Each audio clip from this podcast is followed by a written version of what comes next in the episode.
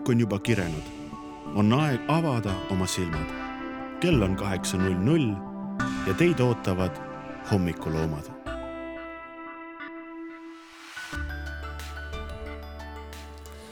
tere hommikust, Põltsamaa rahvas, kell on kaheksa null viis.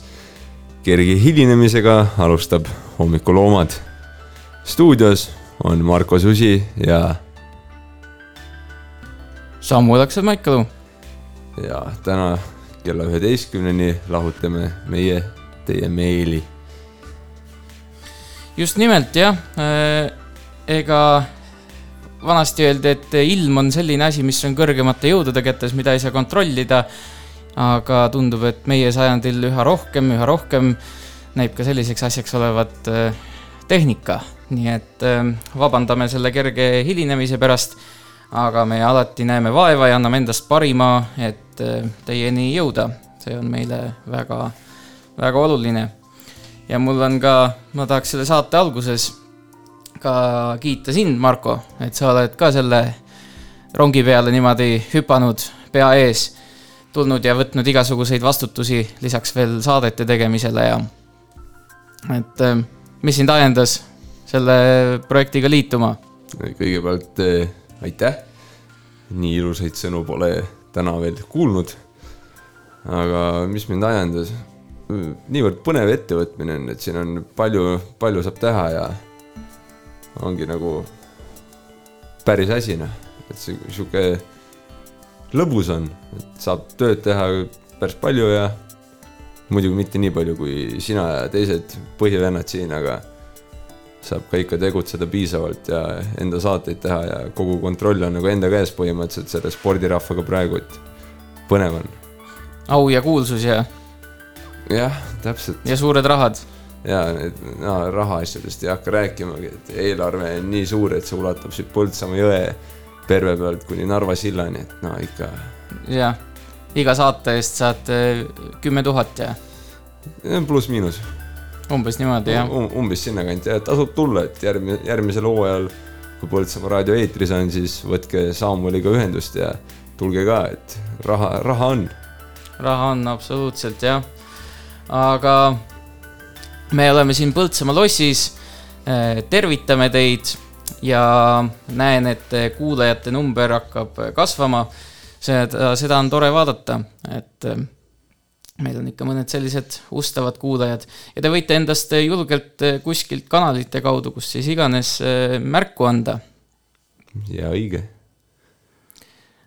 kunagi oli niimoodi, et kuulsin lugu, et öeldi, et kui Inglismaal raadiod tulid eelmisel, eelmisel sajandil, inimesed hakkasid igal pool raadiot kuulama, siis raadiostuudio oli enam-vähem selline koht, mis oli avatud kogu aeg ja tänavalt võisid tulla inimesed lihtsalt tuli ühesõnaga mingi tüüp tänavalt, tuleb, astub sisse, ütleb tere ja tal on nagu midagi asjalikku rääkida ja pandigi ta selles mõttes nagu raadio, raadioeetrisse. et ma kujutan ette, kui tänapäeval hakata sellist asja tegema, siis hakkab igasuguseid inimesi kogunema sinna, sinna eetrisse. aga tol ajal oli, ma ei tea, kas ühiskondlik usaldus oli suurem või, või aga, aga, aga niimoodi see käis. ma usun, et tänapäeval tuleks ka palju palju huvitavaid inimesi, aga no samas tõenäoliselt tuleks ka siukseid niisama, niisama vendi nagu, no umbes nagu mina olen, et. ei no niisama vendadel pole ka midagi häda, aga yeah. teinekord on niimoodi, et pärast ei saa neid stuudiost välja lihtsalt enam, et yeah.. ükskord Arvamusfestivalil, ma mäletan, oli üks selline, vaata seal tehakse neid paneele ja siis seal on nagu mingisugused inimesed, kes on kutsutud rääkima ja keda siis moderaator tutvustab ja siis oli üks tore vanahärra, kes äh, läks ja äh, parkis ennast ka sinna kõrvale, tema võttis tooli ja ta läks, et seal oli nagu see moderaator, siis neli panelisti ja tema läks, võttis tooli ja istus ka sinna kõrvale. ja siis, kui need kõik panelistid hakkasid nagu sõna võtma ükshaaval niimoodi järjest, siis tema, tema võttis ka endale sõna, ütles, oota, andke see mikrofon nüüd korraks palun. ja kuna noh, siis võeti, et noh, publik saab küsimusi küsida ja niimoodi, et siis tema hakkas nagu kommenteerima. ja siis, kui see moderaator hakkas niimoodi viisakalt segama, et härra, et meil on siin nagu paneel, et me tahaksime võib-olla natukene noh, anname siin nendele inimestele sõna, keda me oleme siia kutsunud, et pärast te saate nendega vestelda ja, ja niimoodi, et siis ta oli nagu solvunud kohe. ta oli solvunud, et miks mulle nii vähe sõna antakse, teistele antakse rohkem. Normaalne.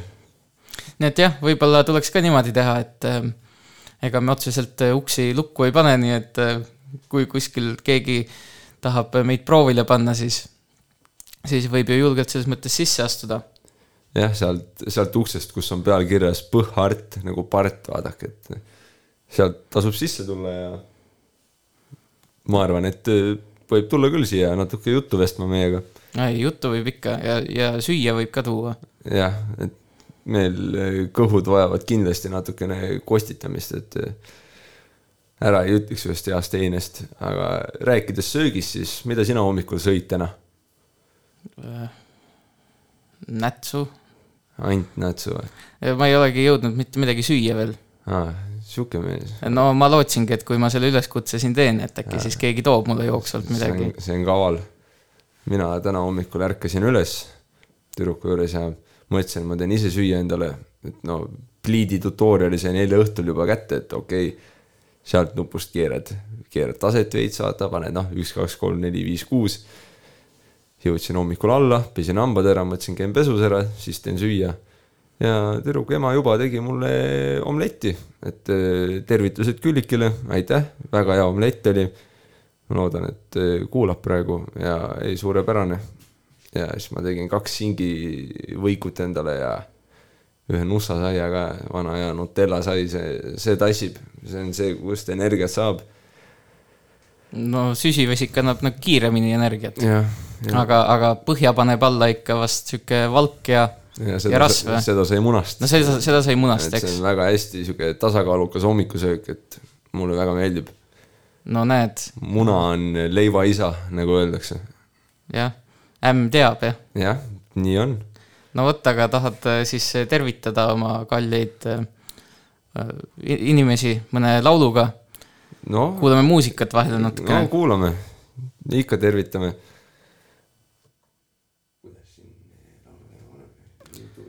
ja Marko otsib, otsib lugu. kohe, kohe, kohe, siin hommik on veel vara ja pea ei tööta veel nii nagu, nii nagu võib-olla peaks. et eh, internet on ka aeglane. aga noh, lossis üldse hea, et internet on ikkagi keskaegne koht ja. see on keskaegne ehitis jah, ega aga... me ei peakski siin ootama. pane, pane midagi huvitavat siis paneme midagi Trad Attackilt, mis sa arvad? jaa, näiteks Trad Attack sobib väga hästi ju hommikusse, ta sobib igale poole tegelikult. Nii et pane aga mängima ja. ja näed, selle heebli võid ka sealt üles tõmmata. hops, no näed no,, tubli poiss. ma õpin, ma praegu õpipoisi staatuses, aga. ära nii üles ka tõmba, muidu. lendab õhku kogu üritus muidu lendab õhku, jah. aga hakkame kuulama ja nautige, me naudime ka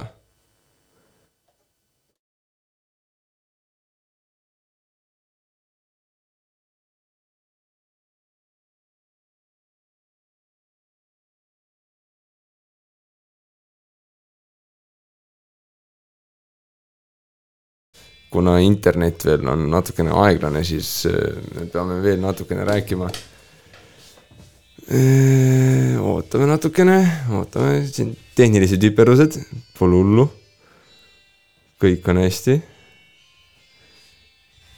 kohe, kohe saame hakkama, andke andeks, see on noh, eksimine on inimlik ja oh, nüüd läks asi käima. seega kuulake.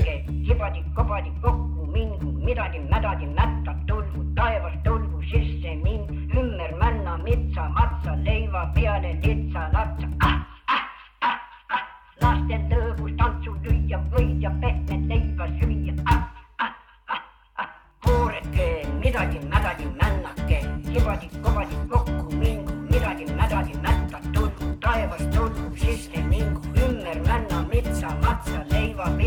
Larza, Larza. Ah, ah, ah, ah.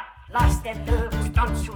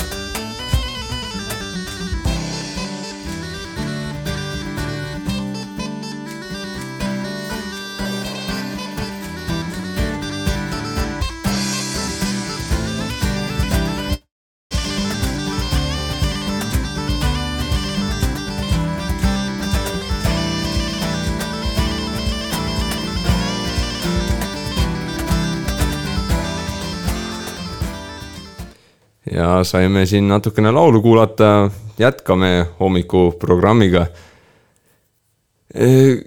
saate alati iga hetk ühendust võtta meiega läbi Põltsamaa raadio Facebooki. kirjutage julgelt, me siis saame teiega suhelda, vastata. aga hetkel vaatan siin delfi.ee portaali ja vaatame siin põhiuudiseid, et no näiteks esimene, mis kohe silma, silma hakkab minule kui spordisõbrale on vormel, vormeli uudis siis kerge Jüri Vipsiga seoses, kes on kivi all elanud.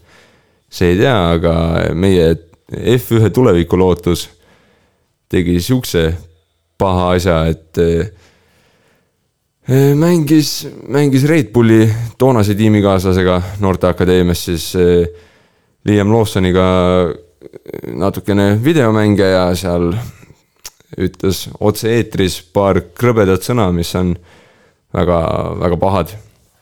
et mõne rassistliku sõna hõikas välja ja, ja see ei ole üldse hea. ja siin on nüüd uudis, vormel üks asjatundjad, rassismiskandaal ei saa Vipsi karjäärile saatuslikuks. et eh, eks ole paista, kui palju, kui palju siin, siin jutus tõtt on.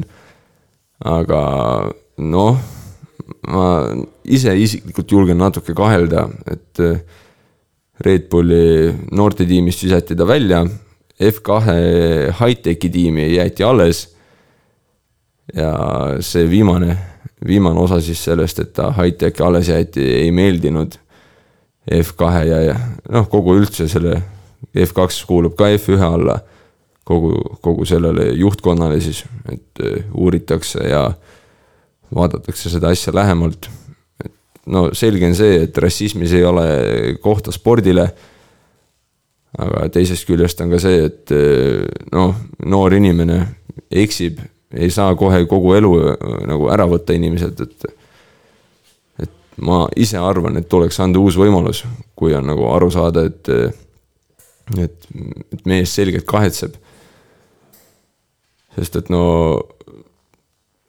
arvestades seda, et Red Bull siis, kui Max Verstappen tegi rassistlikke kommentaare, noh, jah, siin sõimas konkurenti mongoliks, mis on väga halb siis tema kohta nagu ei öeldud mitte midagi. samas no see on arusaadav ka, et eh, Red Bulli tiim on, kogu tiim on ikkagi Max Verstappeni taga, maailmameister siiski ja number üks piloot. et sellest on nagu mõista, et ilmselgelt ei, ei tõmmata kohe vaipa jalge alt ära. aga vaatame, vaatame, mis siin veel Delfi, Delfi portaalis lugeda on siin no, otsime, otsime jooksvalt midagi huvitavat. no peamine uudis kohe esimene. Ostupaanika, see on Delfi Maalehe all siis. Noi, nii. kohe loen ette. ostupaanika tühjad küttelaod ja ülekoormatud pottsepad. eestlased valmistuvad talveks nii. Ja juhtkiri siis, eelmise talve krõbedad arved ehmatasid inimesed ära, kes ehitab varem soojuspump, soojuspumbale üle viidud maja tagasi ahju, kes varub rohkem küttepuid, ehkki hind pole veel kunagi olnud nii kõrge pelletilaod on kohati tühjaks ostetud, metsamehed soovitavad rahu säilitada, kütet metsas jagub. mida, Saamel, sina arvad sellest? Oi, pelletist, küttepuudest või? ega ma esimest poolt ei kuulnud. noh, kogu see ostupaanika, et inimesed varuvad talveks siis, eh, kes, eh, kes soojuspumba pealt läheb tagasi ahju peale ja kes varub küttepuid ja kes pelleteid ja. no ma ei ole detailidega nii hästi kursis, aga ma ei tea, kas see isegi paanika on või, või kas ta põhjendamatu paanika on et vaadates eelmist talve, siis tundub isegi olevat selline päris eh, mõistuspärane ettevalmistus. jah, ma ise arvan, et noh, kuigi ma pole ka eriti kursis selle asjaga, elan kortermajas ja meil on pelletiküte ja ma ei ole sellega eriti seotud või no nii palju olen seotud, et ma olen mõned korrad neid pelletikotte alla tassinud ah, keldrisse. tubli, tubli. aitäh, aitäh ja seda ma olen ka paar korda teinud, ehk siis ma ei ole sellega seotud üldse. aga no ma arvan, et see on tingitud elektrihindadest või, või mis sa ise arvad, ei, absoluutselt jah. ega seal äh, muud äh, põhjendust ju selles mõttes ei olegi. jah, et äh, meie saime ka nüüd oma kütte korralikult taha ja tahaks siinkohal tervitada Indrek Geensalu, tänu kellele, kelle kiirele reageerimisele me jõuame uuesti siis Põltsamaa inimeste kõrvu. et, et siin vahepeal jah, tehnika teeb oma vigureid aga kas meil on nüüd ilusti võimekus ka mingisuguseid lugusid lasta? seda ma usun, et Traadatakil kadus siin hääl vahepeal ära, nagu ka eelmine hooaeg ühes saatel, ühes saates Toomas Annil. aga, aga sellest pole hullu, sellest pole hullu. nüüd äh, meil kõik ilusti töötab, äh, töötab nagu, nagu vana hea puuküttega ahi ja. ja selle tähistuseks kuulame Viktori polkat mitte mees Viktor, vaid võidu, võidupolka. nagu võidupolka, jah. ja kuulame. kuulame võidupolkat, see on tähistamist väärt. There's gonna be a hallelujah day when the boys have all come home to stay and a million bands begin to play We'll be dancing the victory polka. And when we've lit the torch of liberty in each blacked out land across the sea, when a man can proudly say, I'm free, we'll be dancing the victory polka. And we will give a mighty cheer when the ration book is just a souvenir and we'll heave a mighty sigh when each gal can can kiss the boy she kissed goodbye. And they'll come marching down Fifth Avenue, the United Nations in review. When this lovely dream has all come true, we'll be dancing the victory polka. Dance, dance, dance the victory polka. Join, join the merry throng. Sing, sing, sing the victory polka. Raise your voices loud and strong. There's gonna be, There's gonna be a great hallelujah day when the boys The have boys have all come home to stay, and a million bands begin to play.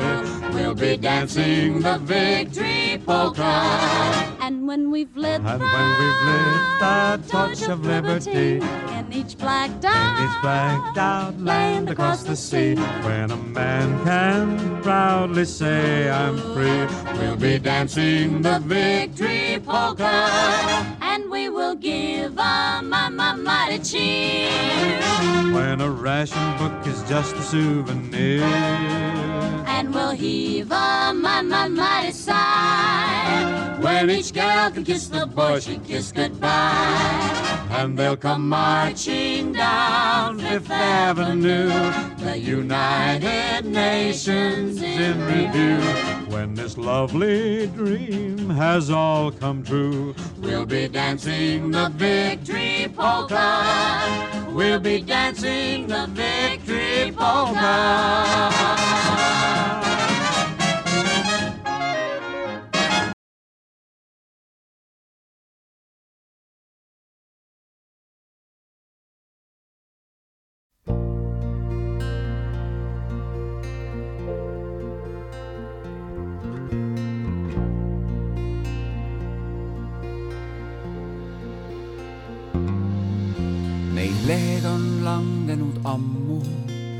Päikene külas ei käi.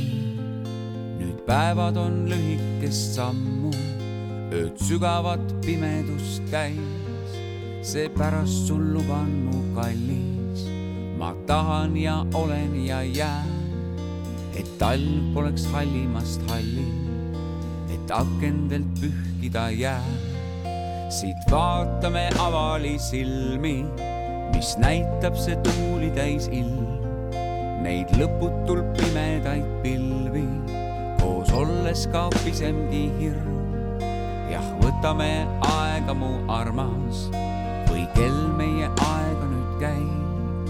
nii lõputult tugev ja habras, need hetked me mänge on täis.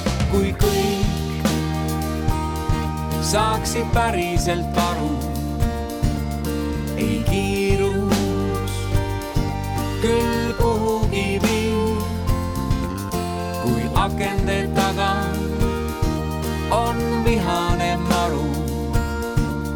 me mõnusalt oleme siin, me mõnusalt oleme siin, kui kõik saaksid päriselt aru küll tuleb, kui anname loa.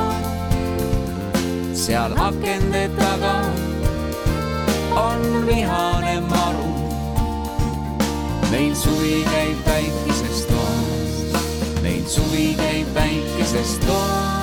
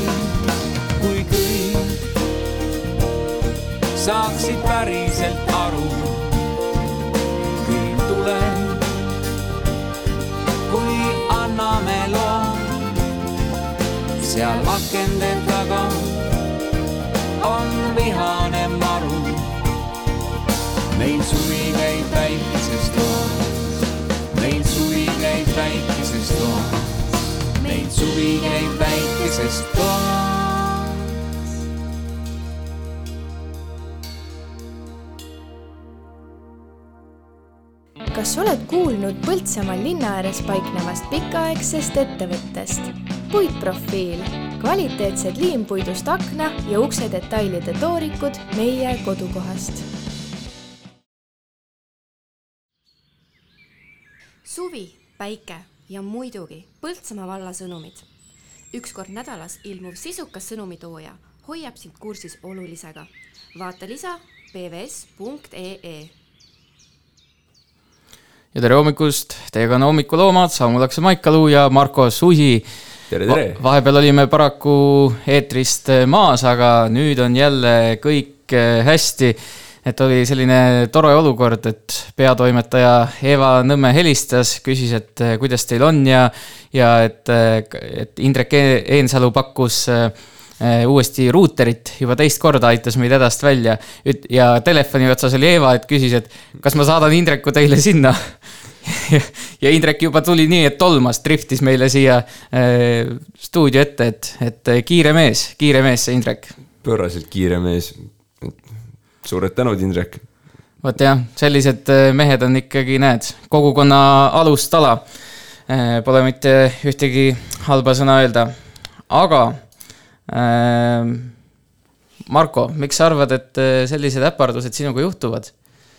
ma arvan, et äh, mu horoskoop väidab mulle nii. no vot, kohe saame teada, sellepärast et elu kakskümmend neli andmetel meil on siin need kolmekümnenda juuni horoskoop, mis ütleb, ütleb igasuguseid asju. Ütleb, et veevalaja on ehk liigagi enesekindel, vähil on võimalik saatuslikult armuda. Marko, mis tähtkuju sa oled? Vähk, vähk olen. aga sina oledki vähk või? mina olen vähk, jah. ahah vaatame, mis siis vähi kohta veel öeldakse no.. siis, siis me saame teada, et kumb meist süüdlane täna on ikkagi, et, et asjad läksid niimoodi, nagu nad läksid. no teeme nii. niisiis, vähk. Kuula nüüd hoolega, sa ikka kuulad jah ära vahi seda arvutit, kui ma sulle su horoskoopi loen. ma olen üks suur kõrv, lase tulla. kontaktid välismaalastega toovad ehk tööalast edu.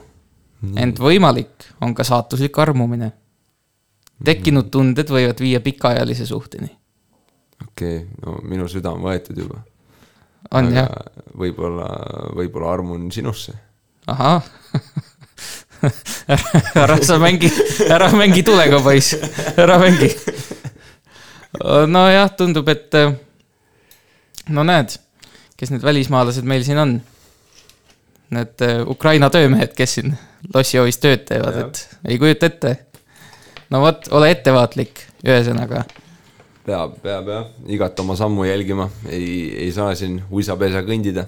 vot äh, jah, sa pead oma pruudile siin saatma ikkagi tervitused ja, ja et äh, kinnitama, et. tere, Sigrid, sa raudselt magad, aga ma luban käsi südame praegu, et äh, ma ei armu ukrainlastesse luban ma luban ka, et ma ei lase Markot siit stuudiost välja, et, et ta saaks minna kuskile. Nonii, aga mina olen äh, kalade, kalade tähtkujust. näed, ja ma loen siis enda horoskoopi ette. Kiirustada ei maksa. tormijooksuga ei saavuta praegu midagi. pigem tasub liikuda tasapisi, vii edasi neid tegemisi, mis pooleli. väga, väga mõistlik. jah ega ei tasu kiirustada jah, vaatame, vaatame siin, leiame veel äkki mõne inimese, oota, ma vaatan, kas ma leian, millal, millal meie päästeinglil Indrekul sünnipäev on oh.. vaatame kohe, kas me leiame selle üles. Jah, äkki, äkki tal, äkki tal tuleb, näed. kakskümmend üks veebruar, sihuke info on kohe avalik. mis tähtkuju see on siis? oota, ma kohe vaatan. tähtkujud. et äh, siis äh, kõik hakkab äh, ühel hetkel loogiliselt kõlama. tema on äh, kalad. tema on ka kalad. see pissis on kalad, onju. Kiir-, kiirust ja vist on, ma ei tea, vist on küll jah. pildi peal on kalad. no no pildi peal on, no sa- sama, mis mul siis, näed, kiirustada ei maksa, tormijooksuga ei saavuta praegu midagi. et see oli veel See see, see läheb vastuollu või äkki see, äkki Indrek on nii kiire mees, et see oli tema jaoks nagu veel rahulik tempo, et väga võimalik. vot ei kujuta ette jah. kahjuks praegu enam küsida ei saa ka talt, et ta juba, juba põrutas siit minema, et me, mees on kiire. no vot jah, ehk peaks horoskoopi lugema ja natukene aeglasemalt võtma, et jah, et natuke, natukene rahulikumalt võtta.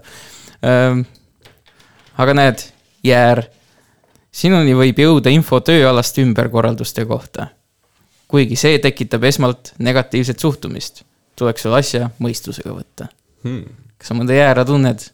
nii, oota, millal, millal jäär on, kohe vaatame, võtan selle pildi tagasi lahti, ma loodan, et seal on nagu piltidena need, sest et inglise keel on nagu on. mis, mis need jäärad on, Capricorn? ju vist. see on kakskümmend kaks detsember kuni kahekümnes jaanuar. mul tädi, tädil on selles ajavahemikus sünnipäev, no loodame, et kuulab. no loodame. tere, Rille, kuula saadet ja, ja tasub kõrva taha panna. igatahes see horoskoop on üks, üks ohtlik asi. ma arvan, see on nii ohtlik asi, et äh, lähme väiksele muusikalisele pausile, ärme siin mängi ei, ei oma tasu, saatusega. ei, ei tasu riskida, jah. aga mida me kuulame, on sul mõnda soovi? kõigepealt tervita enda koduseid ja edasta oma tervitused ja pane neile üks soovilaul ka siis. Mida mida su kodused kuulavad? Äh, ma arvan, nad äh, kuulavad kõike, nad kuulavad Põltsamaa raadiot ja, ja tõepoolest tervitused siin äh, minu perele, kõikidele kodustele, vanaemale, vanaisale ja, ja nii, ja nii edasi. aga kas neile ruja sobib või? oh, ma arvan, et väga hästi sobib. no aga kuulame ja, ja naudime ja veel kord ilusat hommikut teile, Põltsamaa rahvas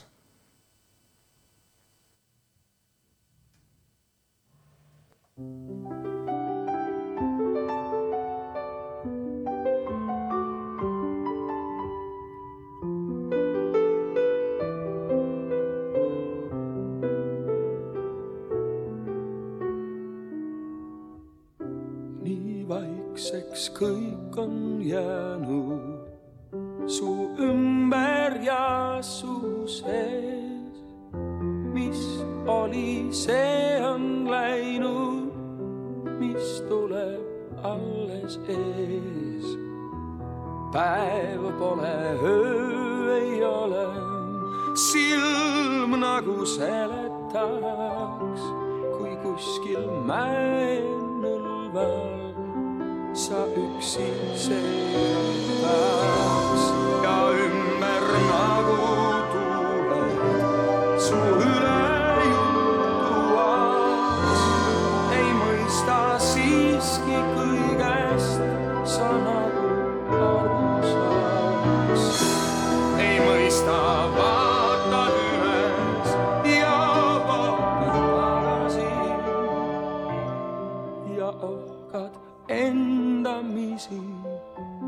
ja ohkad jällegi. nii vaikseks kõik on jäänud su ümber ja su sees. mis oli, see on läinud, mis tuleb alles ees.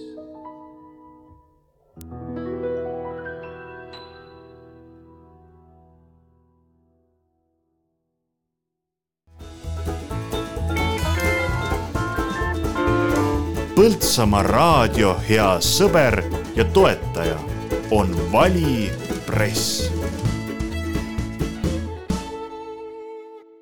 kuningas Magnus kutsub Põltsamaa kahekümne seitsmendale lossipäevale. lossipäev toimub teisel juulil Põltsamaa kardirajal. tegevused kogu perele, käsitöölaad, lossijooks ja kultuuriprogramm, Lotte muusikatund, Kerli Padar, ansambel Gruuv, Selgeltnägijad ja palju muud. rahvapidu algusega kell kakskümmend null null.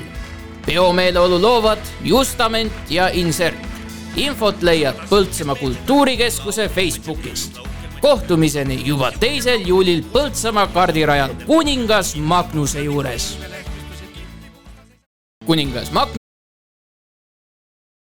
ja nagu kuulsite, siis äh, reklaam ei valeta ning ähm, meil on juba laupäeval tulemas siis äh, lossipäevad ja seekord on need natukene teistmoodi, nagu Janne Karu eile siinsamas hommiku äh, saate ajal stuudios rääkis, siis seekord see toimub Põltsamaa kaardirajal. see on sellepärast, et, et meie loss ilusti ikka valmis saaks. siis ei tasu siia hetkel seda, neid töömehi segama tulla, aga kaardirajal on ka ju selles mõttes vahva, seal on suur territoorium. Nemad ikka tuletavad seda jõudsalt meelde, et seal on, kuningas Magnus oli tegelikult alguses seal ja siis hakati siis siin lossi ehitama või kuidagi nad on selles mõttes ennast selle ajalooga siin, ma, ma ei tea täpselt, ma pean tunnistama, aga loodetavasti laupäeval äh, saame täpsemalt aimu. Sa oled kart, karti sõitmas käinud seal? olen küll täitsa jah, et kardisõit on sihuke lahe asi, tasub proovida. isiklikult ma täpselt arvu ei teagi, aga ma olen siin Põltsamaa kardirajal käinud mitmeid kordi hobikarti sõitmas ja ja kunagi Türil, ma ei tea, kas seal enam toimub see veskisilla, see, kus see bowling ja asjad olid.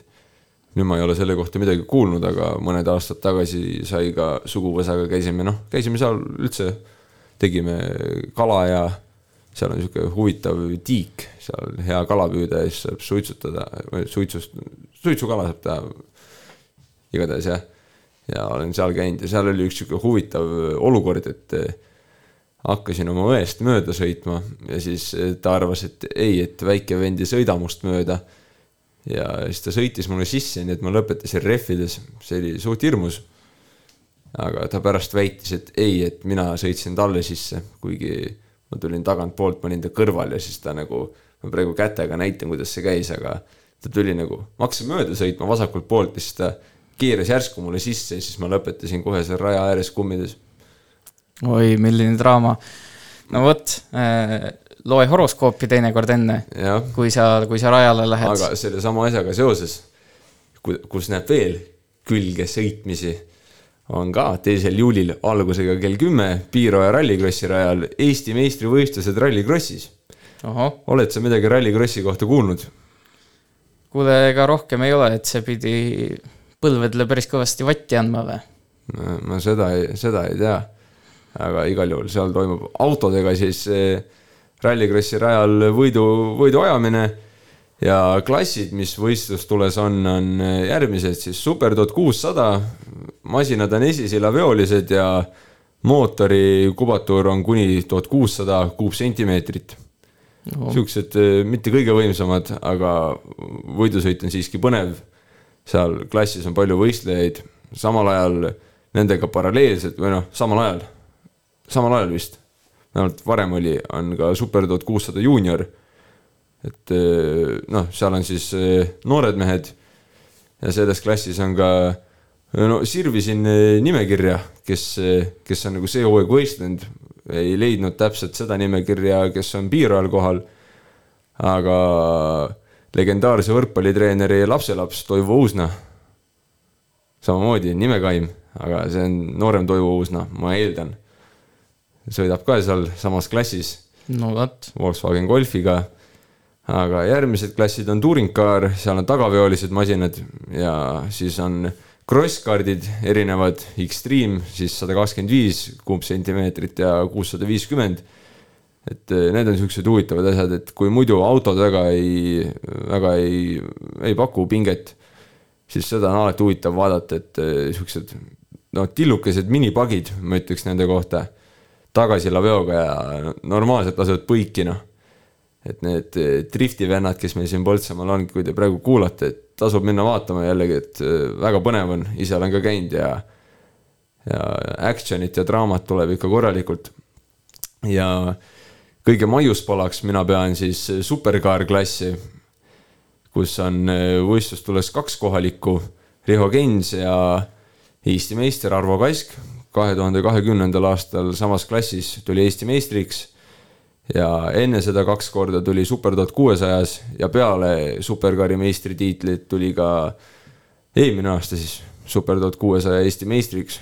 et kindlasti üks kõvemaid vendasid hetkel Eesti meistrivõistluste rallikrossi karussellil. ja sihuke lõbus fakt ka rallikrossi autode kohta, et kunagi autokoolis vaidlesin õpetajaga, mina jäin peale.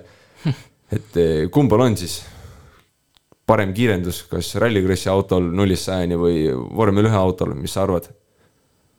tead, ma, ma ei saanud siiamaani pooltest sõnadest aru, mis sa rääkisid, nii et äh, see oleks lihtsalt huupi pakkumine. no aga, aga, aga paku, superkaar on siis mingi umbes kuussada hobujõudu. no päris palju, ütleme nii siis. no pakume siis esimest, mis iganes see oli. jah, õige vastus. Et eh, superkaar kiirendab nullist sajani alla kahe sekundi, mingi üks koma üheksa. mõelge nüüd ise selle peale, et eh, oled nagu täiesti seisad, lööd lapi põhja ja sa oled eh, alla kahe sekundi pärast on juba sada kilti tunnis sees ja juuksed lehvivad ja karjud ja killud, need väga kiired masinad. küll Eesti tasemel ma julgen pakkuda, et ei ole nii võimsad masinad oota, ja tuleta korra siis uuesti meelde, et kus seda näha saab?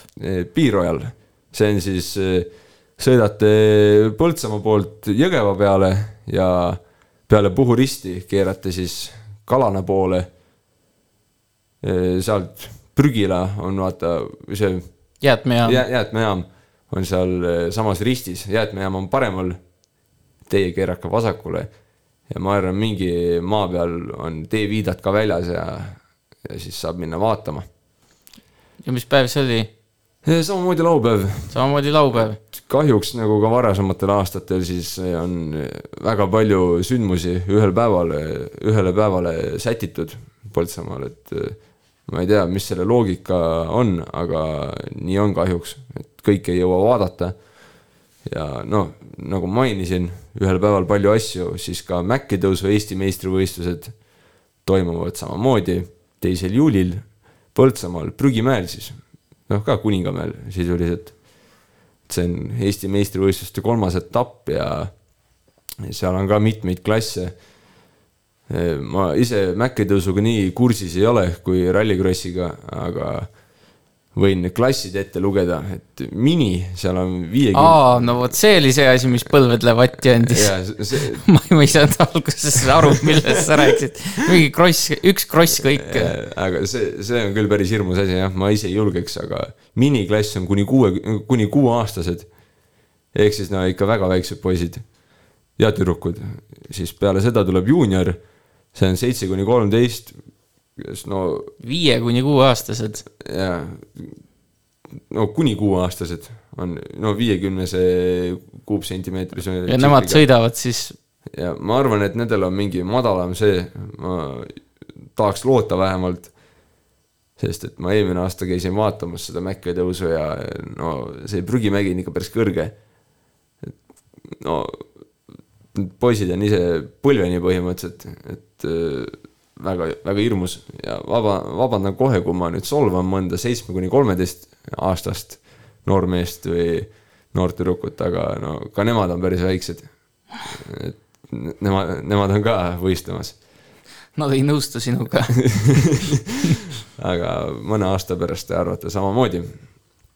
siis on Kross klass, kus on siis eh, eh, ühesilindrilised, parandan, parandan, Kross on siis kahe või neljataktilised Krossi ja enduro mootorrattad, millel ei ole paigaldatud eh, pikendatud, pikendatud kiiget, ehk siis eh, kuidas ma selgitan seda, tagarattale läheb sealt keskelt, vaata, läheb üks sihuke noh, rahvakeeli pulk. Või noh, ongi no raami osa. Ja Krossi mootorratastel on see normaalse pikkusega, Maci tõusus tihtipeale on see pikem et ei viskaks üle, vaata. Mhm. muidu lähed mäest üles ja üks hetk oled pea peal ja tuled, tuled alla sealt Kuningamäelt, et Magnus ütleb ei. ja needsamad rattad ei, nendel ei tohi olla ka spetsiaalset tagumist rehvi, kaasa arvatud liivakulpi, ehk siis eh, eh, taga, tagarehv ei tohi liiva oma olla siis järgmisena on single, nendel on siis ühesilindrilised eh, modifitseeritud mootorrattad. Ja kubatuur ei ole piiratud, välja arvatud siis, kui sa oled alaealine. siis võib olla sul tšikkel kuni kolmsada viiskümmend kuupsentimeetrit võimsuselt. ja unlimited, no see on nagu normaalsed õlinäpud on seal lihtsalt motika juures teen mingeid trikke ja siis sõitma läinud, et vähemalt kahesilindrilised modifitseeritud mootorrattad. kubatuur ei ole piiratud, seega põhimõtteliselt piiranguid ei ole sul üldse, tee milline masin tahad, pane. Varasemalt ma olen näinud, et seal on mingi paigimootorid peale pandud, normaalsed mingid tonnised lihtsalt ja siis on konkreetne nagu lärm on kõva noh. ja siis eh, viimane klass on show vaatasin juhendist järgi. piiranguid ei ole nagu mitte midagi, seal ei ole, seal ei ole mitte midagi kirjas, et eh, ma ei tea, ongi mine kas ja sõida kummipaadiga mäest üles ja ole tšempion. noh. See on sihuke vaba klass, et põhimõtteliselt, et see ongi võib jalgrattaga ka minna. jah, see ongi nagu rahvale rohkem, et teed pulli ja ja ma arvan, et kõigil on lõbus ja lisaks sellele väikestel lastel on limonaadijooks ja Ossa. täiskasvanutel on õllejooks. et paned seal mööda mäge ja jooksed üles ja mingi võidad õlle või ma ei tea, mis iganes. et jah, jällegi vahva üritus, aga seekord on siis ju, kui lossipäevad toimuvad kardirajal, siis see on ju palju lähemal, nii et Seda küll, inimesed, kes tulevad, nad jõuavad seal mõlemal käia. Need eelmine- üksteist ei välista sugugi, sugugi. seda küll jah, et eelmine aasta, kui ma ei eksi, siis oli kardivõistlus samal ajal, rallikrossi ei olnud, aga oli kardivõistlus ja see oli, see oli ka sihuke, no oleks tahtnud mõlemat näha spordihuvilisena, aga no kahes kohas korraga on väga keeruline olla. Või no mina ei oska vähemalt, aga kui teil on õpetussõnu, kuidas olla kahes kohas samal ajal, siis kirjutage Põltsamaa raadio Facebooki või kas meil stuudiotelefon on? oo, ikka, meil on äh, stuudiotelefon, aga see igal ajal ei, selles mõttes ikkagi ei vasta. aga meil on täitsa sellised toredad saated vahepeal, kus me, kus me vastame äh, sellele telefonile, et number on viis, kolm, seitse, kuus, kaks, kolm, kuus, kuus. Kas praegu seda me ei saa kasutusse võtta? aga äkki täitsa saame, kui kellelgi on soovi helistada, siis viis, kolm, seitse, kuus, kaks, kolm, kuus, kuus. see number on leitav ka siis äh, meie äh, Facebooki lehelt täitsa ilusti, seal, kui natukene alla scroll ida, siis seal on üks selline postitus. aga sellest Mäkke tõusust rääkides, siis äh, ainukene asi, mis mina olen kuulnud, et ühed inimesed on suured fännid, aga teised inimesed, kes seal Kuningamäe all elavad, et eh, nemad nii suured fännid ei ole, et nad ütlevad, et nad tavaliselt planeerivad eh, omale mõned teised tegevused selleks ajaks, et eh, lähevad kuskile teise linna, linna otsa. täitsa, täitsa loogiline. seekord ei ole väga lihtne mingit teist tegevust teises linna otsas leida. tuleb Kuningamäele minna lossipäevasid nautima. Ja seal on päevajuht on ka sihuke suurepärane mees, ma ei tea, kas te ehk olete kuulnud. Saamul äkki räägid lähemalt, kes see päevajuht on? no aga hoiame seda veel eh, natukene saladuses. Lähme väikesele muusikalisele pausile ja kell üheksa saab tegelikult kuulata juba uudiseid. selge ja kuulame muusikat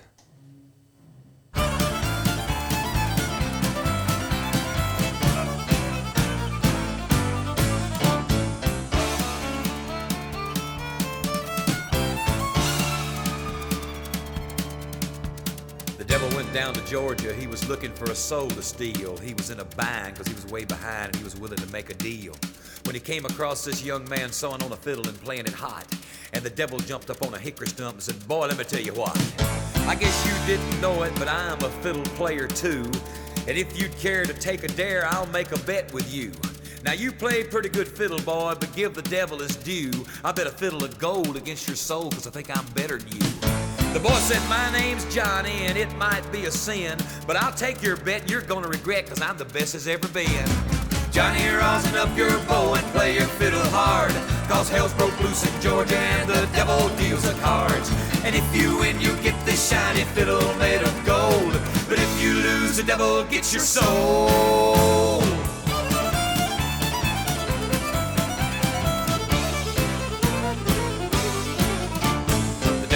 Opened up his case and he said, I'll start this show. And fire flew from his fingertips as he rosined up his bow.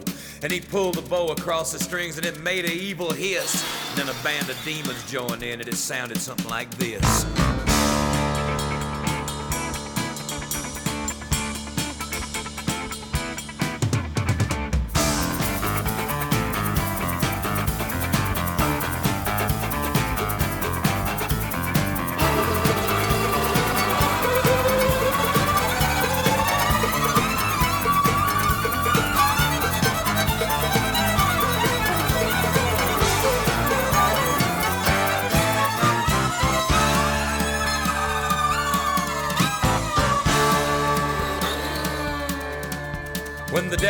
Finished, Johnny said, Well, you're pretty good, old son. But sit down in that chair right there and let me show you how it's done. Fire on the mountain, run, boys, run. The devil's in the house of the rising sun. Chicken in the bread pan, picking out dough. Granny, does your dog bite? No child knows.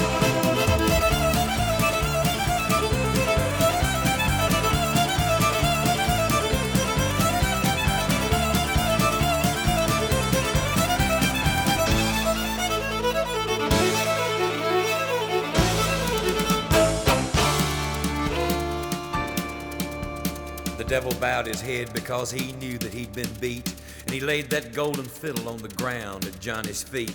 Johnny said, Devil, just come on back if you ever want to try again. I done told you once, you son of a bitch, I'm the best there's ever been. He played on the Mountain, Run, Boys, Run. Devil's in the house of the rising sun. The chicken in the bread pan, picking out dough. Granny, your dog bite, no child knows.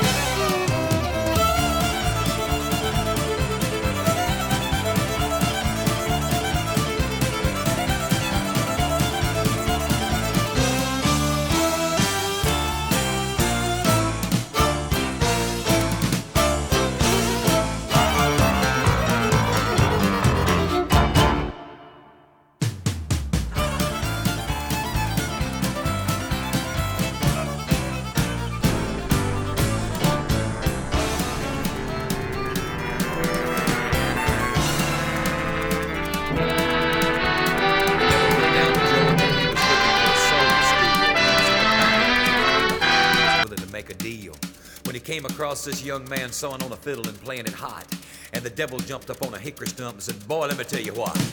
I guess you didn't know it, but I'm a fiddle player too. And if you'd care to take a dare, I'll make a bet with you. Now you play pretty good fiddle, boy, but give the devil his due. I bet a fiddle of gold against your soul, cause I think I'm better than you. The boy said, My name's Johnny, and it might be a sin, but I'll take your bet and you're gonna regret, cause I'm the best as ever been. Johnny, rosin up your bow and play your fiddle hard, cause hell's broke loose in Georgia and the devil deals the cards. And if you win, you get this shiny fiddle made of gold, but if you lose, the devil gets your soul.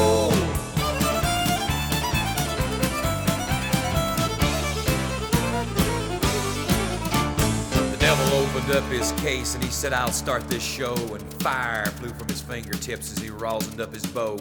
And he pulled the bow across the strings and it made an evil hiss. And then a band of demons joined in and it sounded something like this.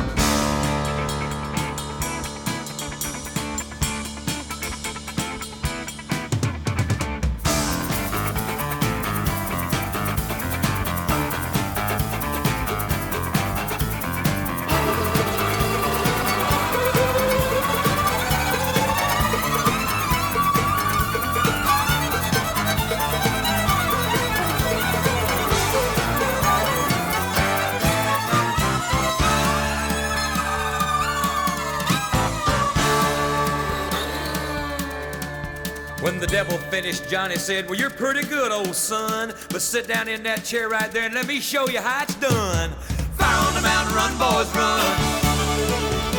The devil's in the house of the rising sun. Chicken in the bread pan picking out dough. Granny, does your dog bite? No child, no.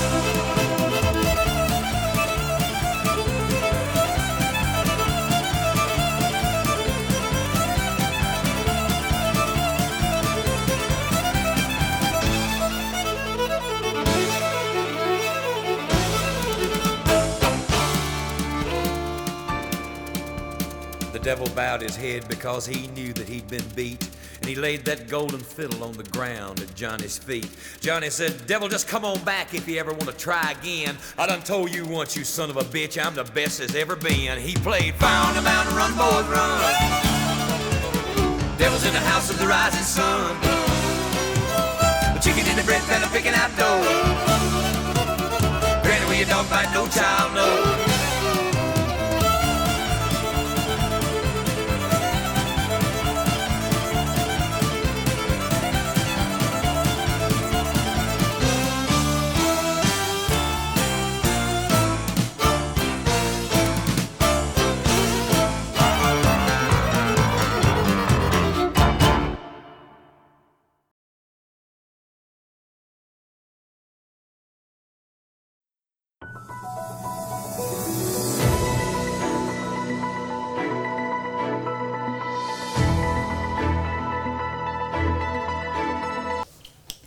Tere, eetris on Põltsamaa raadio uudised. stuudios uudistetoimetaja Johanna Järva. reedel avatakse suvekohvik Papaia. esimesel juulil toimub Kamari veikpargis veikõhtu. esimesest kuni kolmanda juulini toimub Siimusti Liiv offroad võistlus. kuningamäel toimub iga-aastane mootorrataste mäkketõus reedel, esimesel juulil kell kuus õhtul avatakse suvekohvik Papaia. Avamiskontsert toimub kell kaheksa, kus esinevad Põltsamaa noored. tegemist on Põltsamaa valla kaasava eelarve raames loodud projektiga. suvekohvik on avatud reedest pühapäevani kella kaheteistkümnest kuni kella kümneni. kohvik asub Veski tänaval Ripsilla vastas ja vaatega jõele, räägib Marko Uusküla.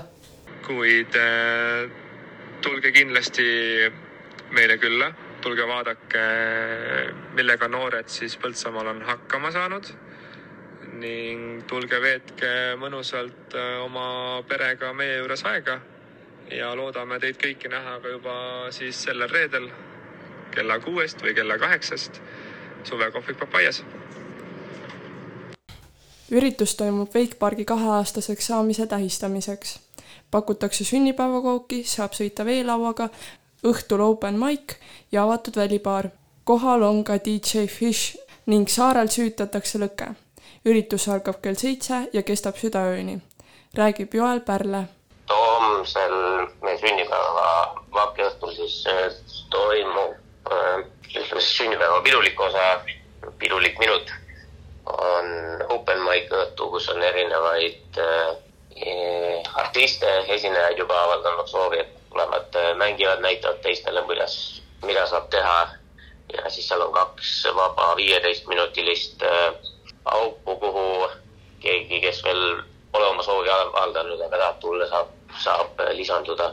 pakume kooki, sõidame veelauda ja mängime välimaaris, et äh, Siimusti Liiv Offroad võistlusel näeb võistlema saateveesid, veoautosid, maastureid, mootorrattaid ja palju muud põnevat.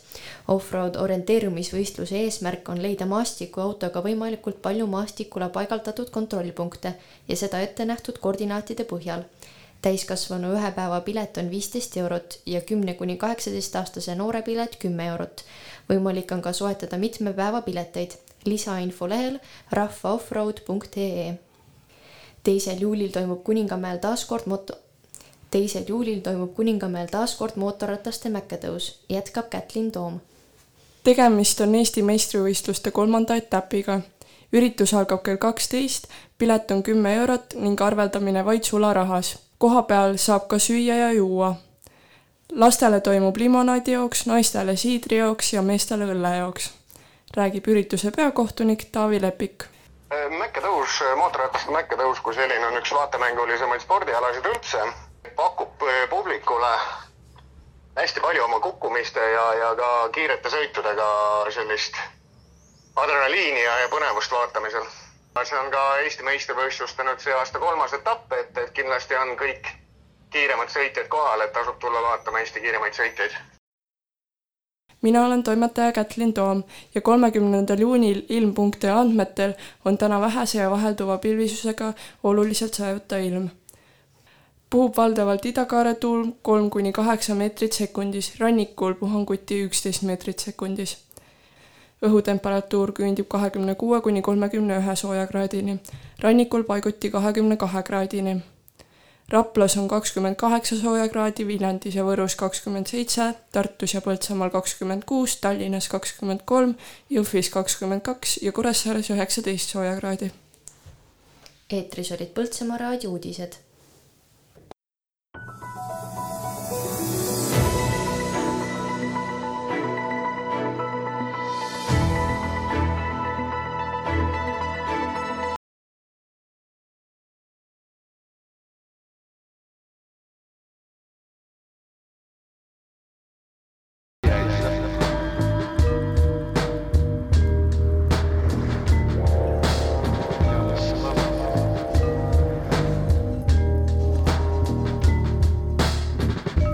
oska kaine peaga peol mitte midagi teha.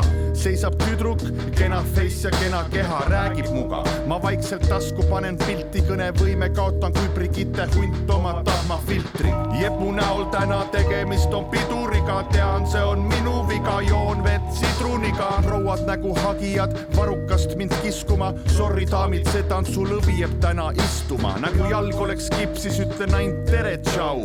oleks lõvis lipsis, oleks siin veresaun. no näiteks see Sandra, see fertiilse kintsuga, meeldiv ada ameleb selle debiilse intsuga. ints on muidugi miljokas Viru keemiagrupist, mul pole raha sakki, rääkimata keemiajupist ja ongi kõik suht tuppes nagu seksi Kristil Pintsel, vahin neid pealt nagu Pervo Kaine Intsel.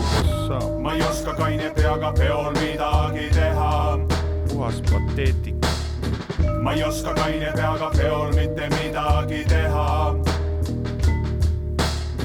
Ma ei oska kaine peaga peol mitte midagi teha. ma ei oska kaine peaga peol mitte midagi teha. Naistel suitsunurgas täna short term plaanid, seisan nende taga nagu Pärna metsa Taavid. Tobi ise ka ei tee, sest cancer will kill. seksi ka vist täna mitte X hamster and chill. karskena, olen kena, raskena tundub suhtlus, sest kraanivesi pärsib. ühtki mõtet pole peas, ainult ropud värsid.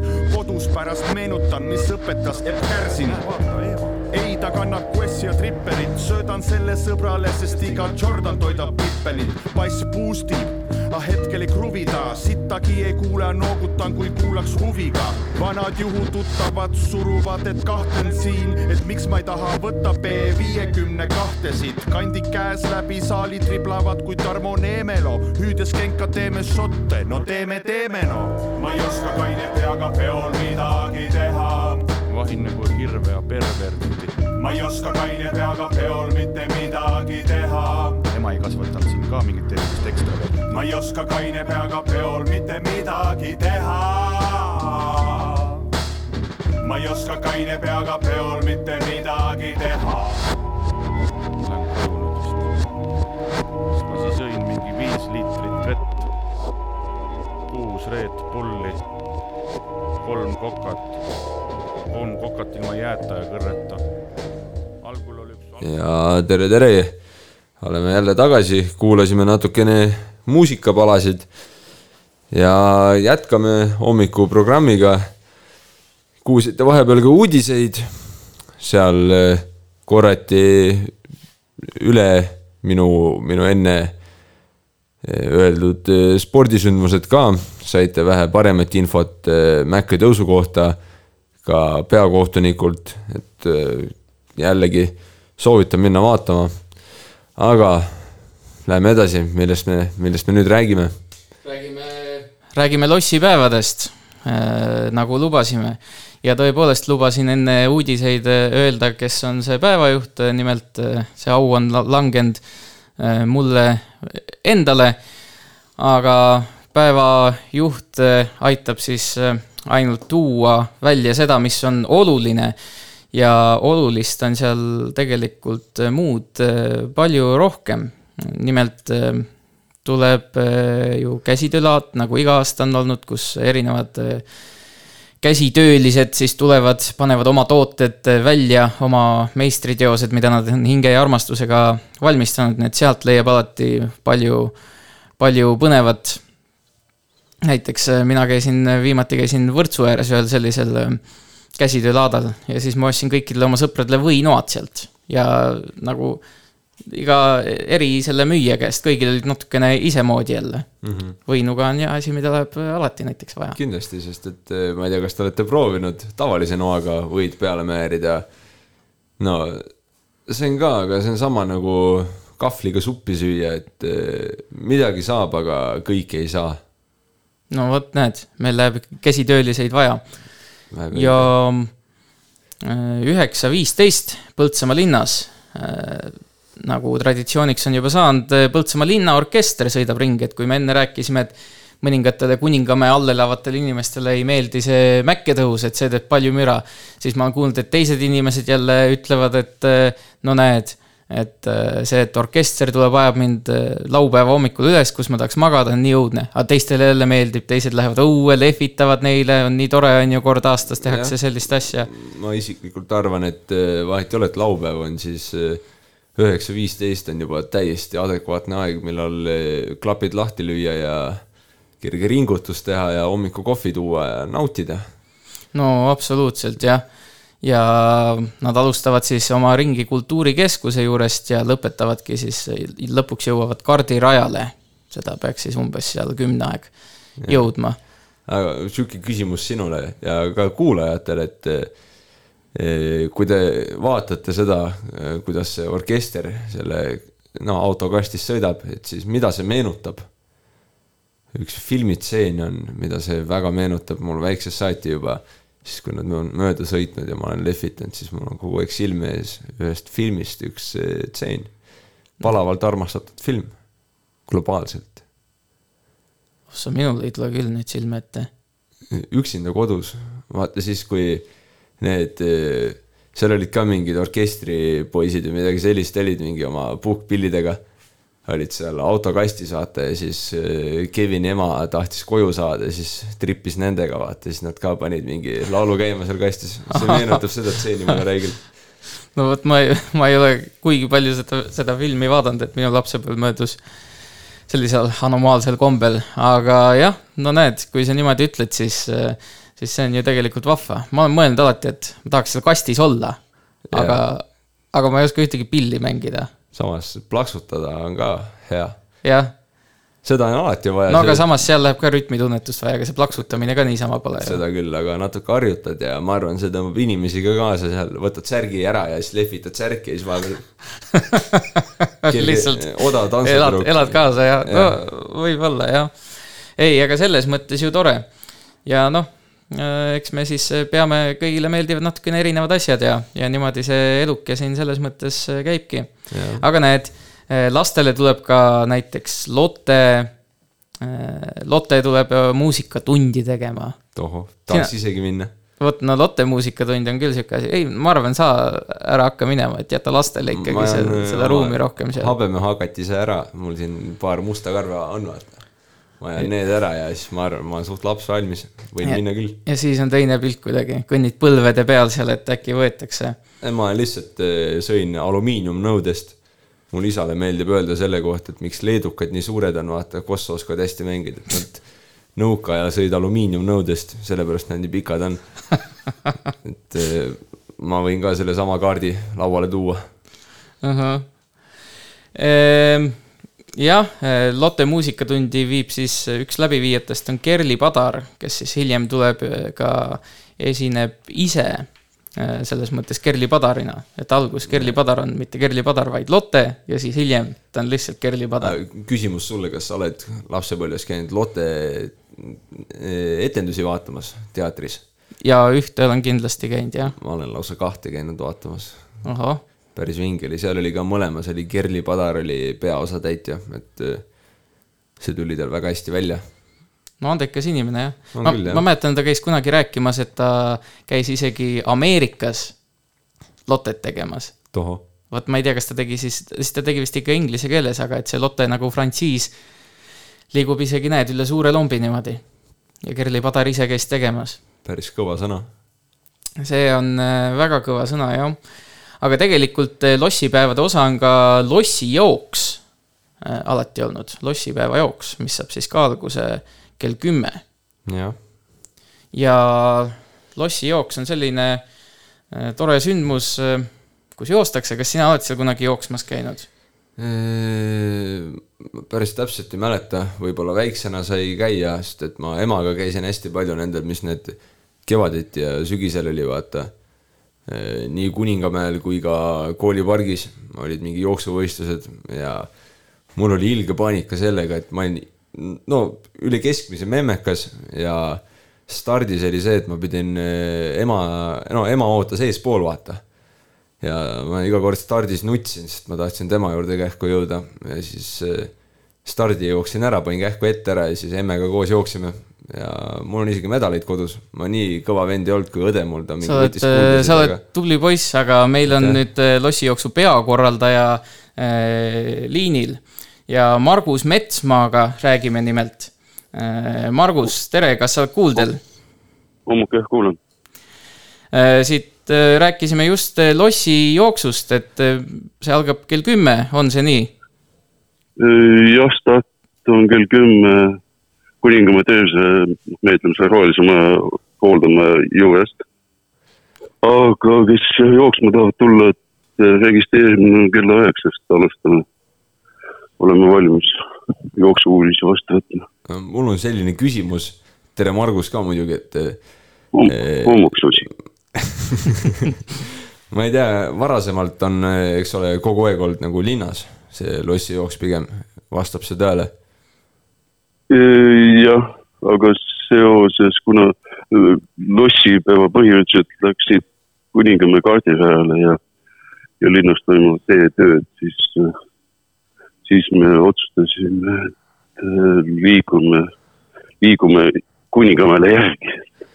ja no mis oli ka veel see, et pikal distantsil üks osa jääb sinna metsa vahele matkarajale, et see on natukene jahedam ilmaennustuse efekt. Okei okay,, aga ja. kuidas, kuid-, okei okay,, jätka, jätka. jah, küsi.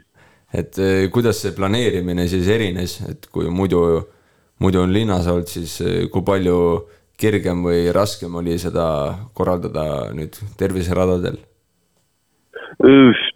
meil on kergem eh, korraldada selles mõttes, et turvamisega on vähem inimesi vaja. Ja ta on jah, küll ei ole mingi aktiivse liiklusega eh, kokkupuudet.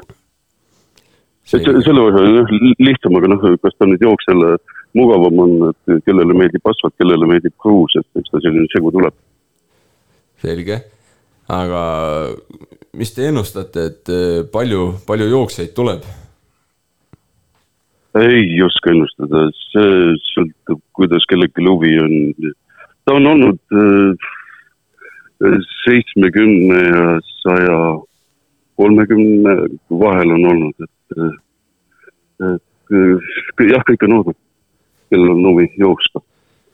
jah, et ootame kõiki jooksma ja selline ajalooline küsimus ka, et ehk on sul see info olemas, et kes on kõige rohkem lossijooksu võitnud üldse ehm, ei tea peast, aga äkki oli Einar Vainem mingitel aastatel, et ta kogus peaauhinna, mille on pannud välja Ossoring Vilbel, et neid aiatoole, et ta tahtis komplekti kokku saada, aga aga kas ta sai, kui palju ta kokku sai, seda ma ei tea. okei okay,, no loodame, et, loodame, et sai, et kulub ära kindlasti aga kes, kes joosta ei taha, kas mingit muud tegevust äh, ka pakute seal, et võib lihtsalt vaatama tulla või? vaatama võib olla, et tulla kaasa elama, aga ei me kepikõndijatega nagu nad on, et ei, nendele me veel ei ole rõhku pannud, aga nagu tulevik näitab, et eks siis tuleb ka selle, selle võistlusklassidega hakata tegelema no vot, aga ähm, Margus Metsmaa, aitäh sulle, et rääkisid meile lossi jooksust ja soovime jõudu. aitüma teile, olge terved, olgu, kõike paremat. nägemist. ja lähme jälle muusikalisele pausile, sai räägitud siin lossipäevast ja lossijooksust. aga mida me järgmiseks kuulame, Marko? ma ei tea, mis siin, mis rahvale hommikul peale läheb, et eh, on sul äkki mõni selline, no mul endal on sihuke mõte, et eh, kuigi õpetajad tavaliselt eh, suvel ei ärka vast nii vara, vähemalt ma tahaks arvata, siis sellegipoolest paneme Janel Palmi lemmiklaulu, mille peale ta hommikul üles ärkab. Et äkki ärkab tema ka lõpuks üles, jah? jah, et äh, no nagu sa enne ütlesid, et üheksa viisteist, kell on üheksa kakskümmend. et on selline aeg, kus võiks oma klapid lahti lükata, jah Jah. nii et tervitame siis äh, Janel Palmi. ja Janeliga intervjuud kuulete järgmine nädal Spordirahva saates, kus ta räägib lähemalt discgolfist, aga seniks kuulame laulu ja ärkame üles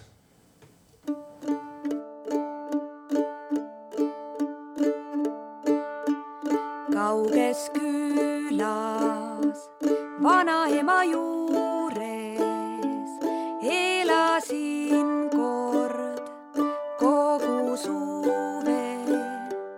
vanaema ja mu armas vanaisa, aga noorel neiul neist ei piisa.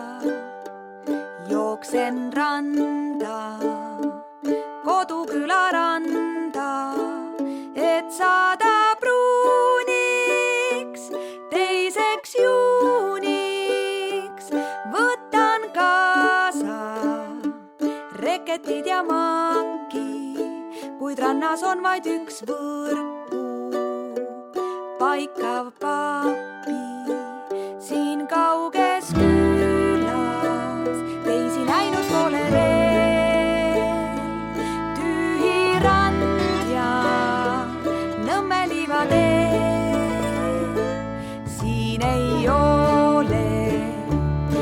pangaautomaati, on vaid naati, palju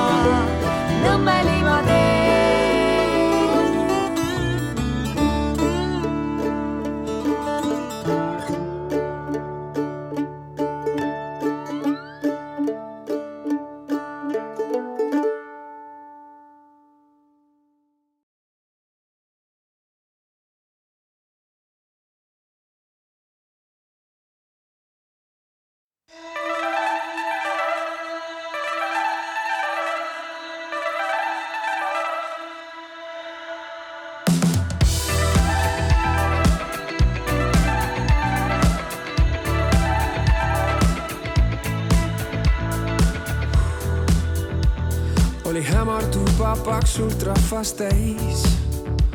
Seal iga teine õnnelikum näis. kuni silmanurgas ähvatus mul käis.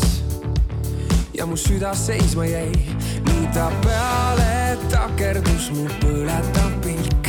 Oma mõtteis sõnu lauseteks sidusin.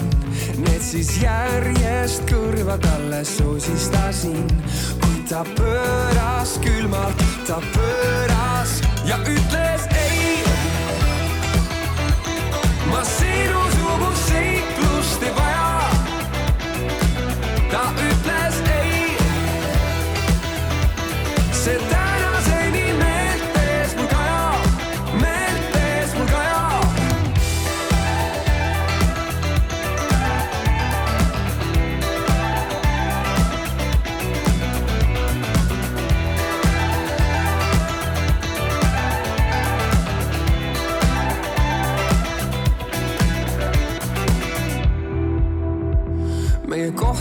kohtumisest möödusid paar kuud. olin endamisi pikalt juurelnud, kuni lõpuks jälle ristusid me teed.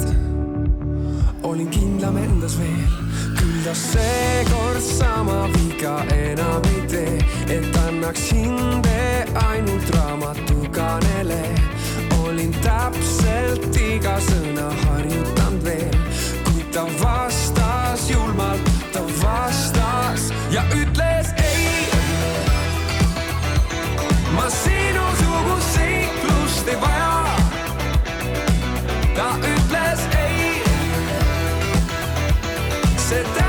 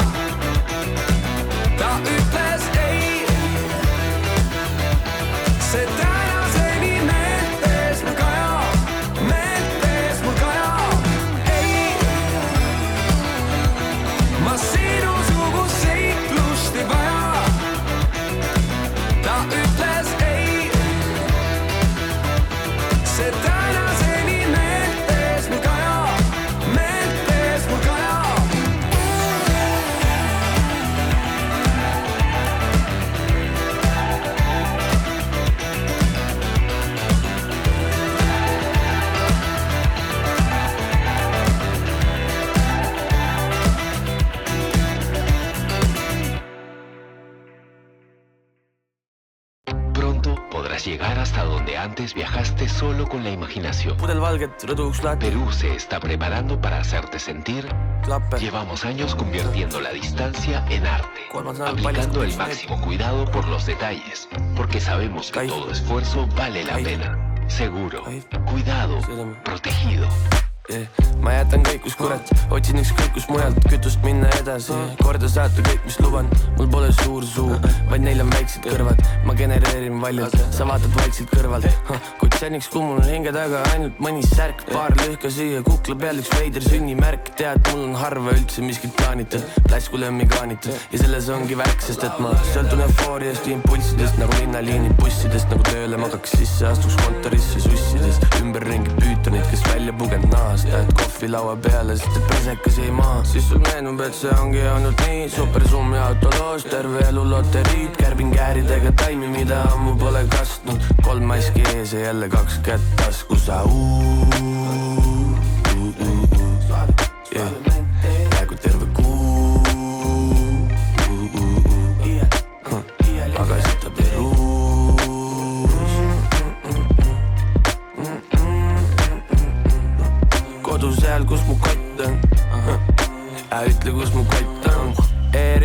miks väldite mu kõnesi, võiksite ju vastu tulla, vastu võtta mõnegi, ei. Mul on hästi, mul on huvitav ja põnev siin, see kotivärk on nii ja naa, mul väga see ei põlegi, ma kaifin teadmatust ja riske, rullitud on priske, poes viskan apelsine korvi nagu diske. Mm,. see oli holarne, ma kolistan ja kolan, iga päev on ulmepõnevik ja režissöör on Nolan, aga samas, mis ma kodus teeks, tõmbaks ennast hobuseks, silmad grillis, rahad sirgeks meeletutes kogustes, pigem turnin siin ja väldin ahvatlusi eos, toidan tuvisi mu katusel ja varbliseid mu peos, siis mul meenub, et see ongi olnud nii, supersummi autoloos, terve elu loteriid seekord sinuta, kuid see pole miskit uut, mis ma ütlesin, ma olen pagasita Peruus. peaaegu terve kuu. pagasita Peruus.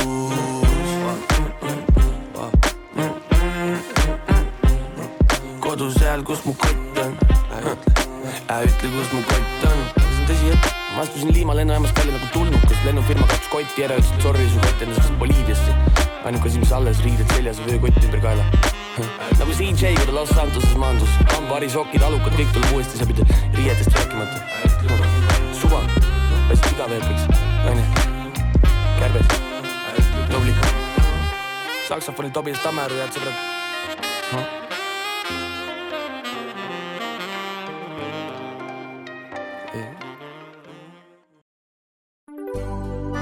Juustu kvaliteet sõltub sellest, kus juustu tehakse. Põltsamaal osatakse juustu teha, seal hinnatakse kvaliteeti. Põltsamaa Eesti juust. kultuur elab aganikus. viies kuni seitsmes august toimub Eesti kõige ägedam maakultuurifestival, Oisu aganiku festival. Päevad on täidetud põnevate tegevustega nii suurtele kui väikestele. avatud on vanatehnika näitus, lastele põhuala, saab näha ehedat rehepeksu, lüpsta lehma, teha võid ning palju muud põnevat põhulaval astuvad üles väikeste lõõtspillide ühing, Puuluup, Curly Strings, Sänni Noormets, Amor Trio ja teised. kuuendal augustil võõrustavad Oisukandi inimesed külastajaid Oisukandi hoovipäeval. piletid müügil Piletilevis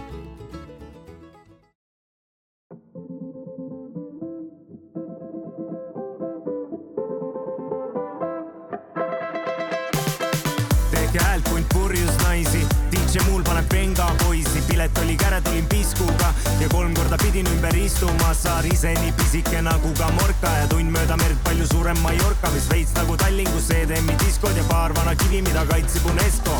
ma olen Young geograafia tund, see on saar, mis ei armasta und, vaid täis on kohti, kus hullata ja inglise tüdrukud on trullaka.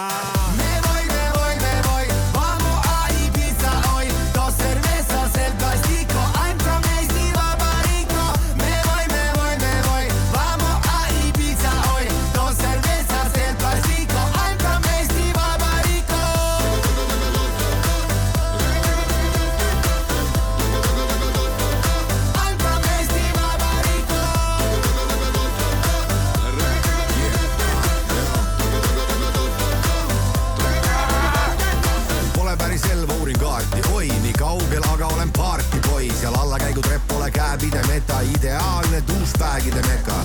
nott vees, tempo on kõva, küllap sealt leiab ka eestlane sõbra, kas teate, ma pole see lihtne turist, vaid kodumaal kuulsa bändi solist. tügu-tügu-tüü ja liivatorm, taarudel siin kortereid kolm, kaasajal Playa Fiesta la noche, rannas siesta ja passus on okse.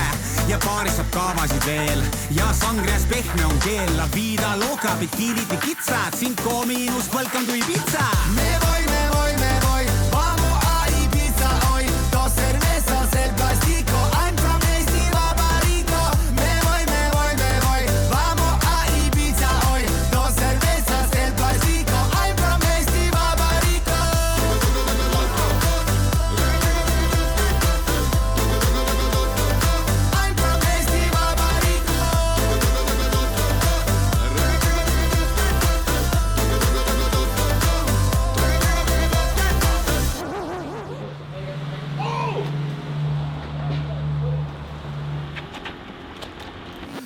Lõpuks kohtusin ma sinu sõpru ja need vennad on plaksutanud lennukis rõõmsasti maandumas.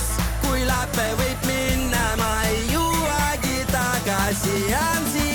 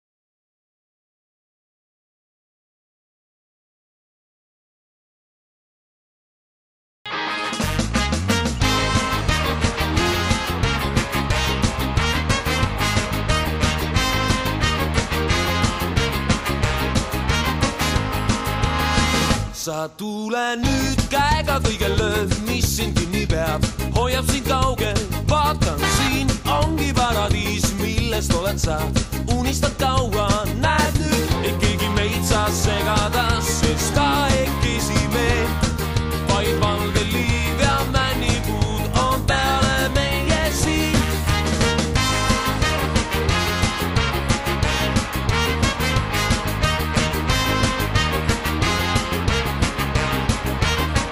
sa kuula vaid merevaikset viit, laulab kaasa liit, naeratab päike, hüüab sind, tule usu mind, siin on õnnemaa, sellist ei leia.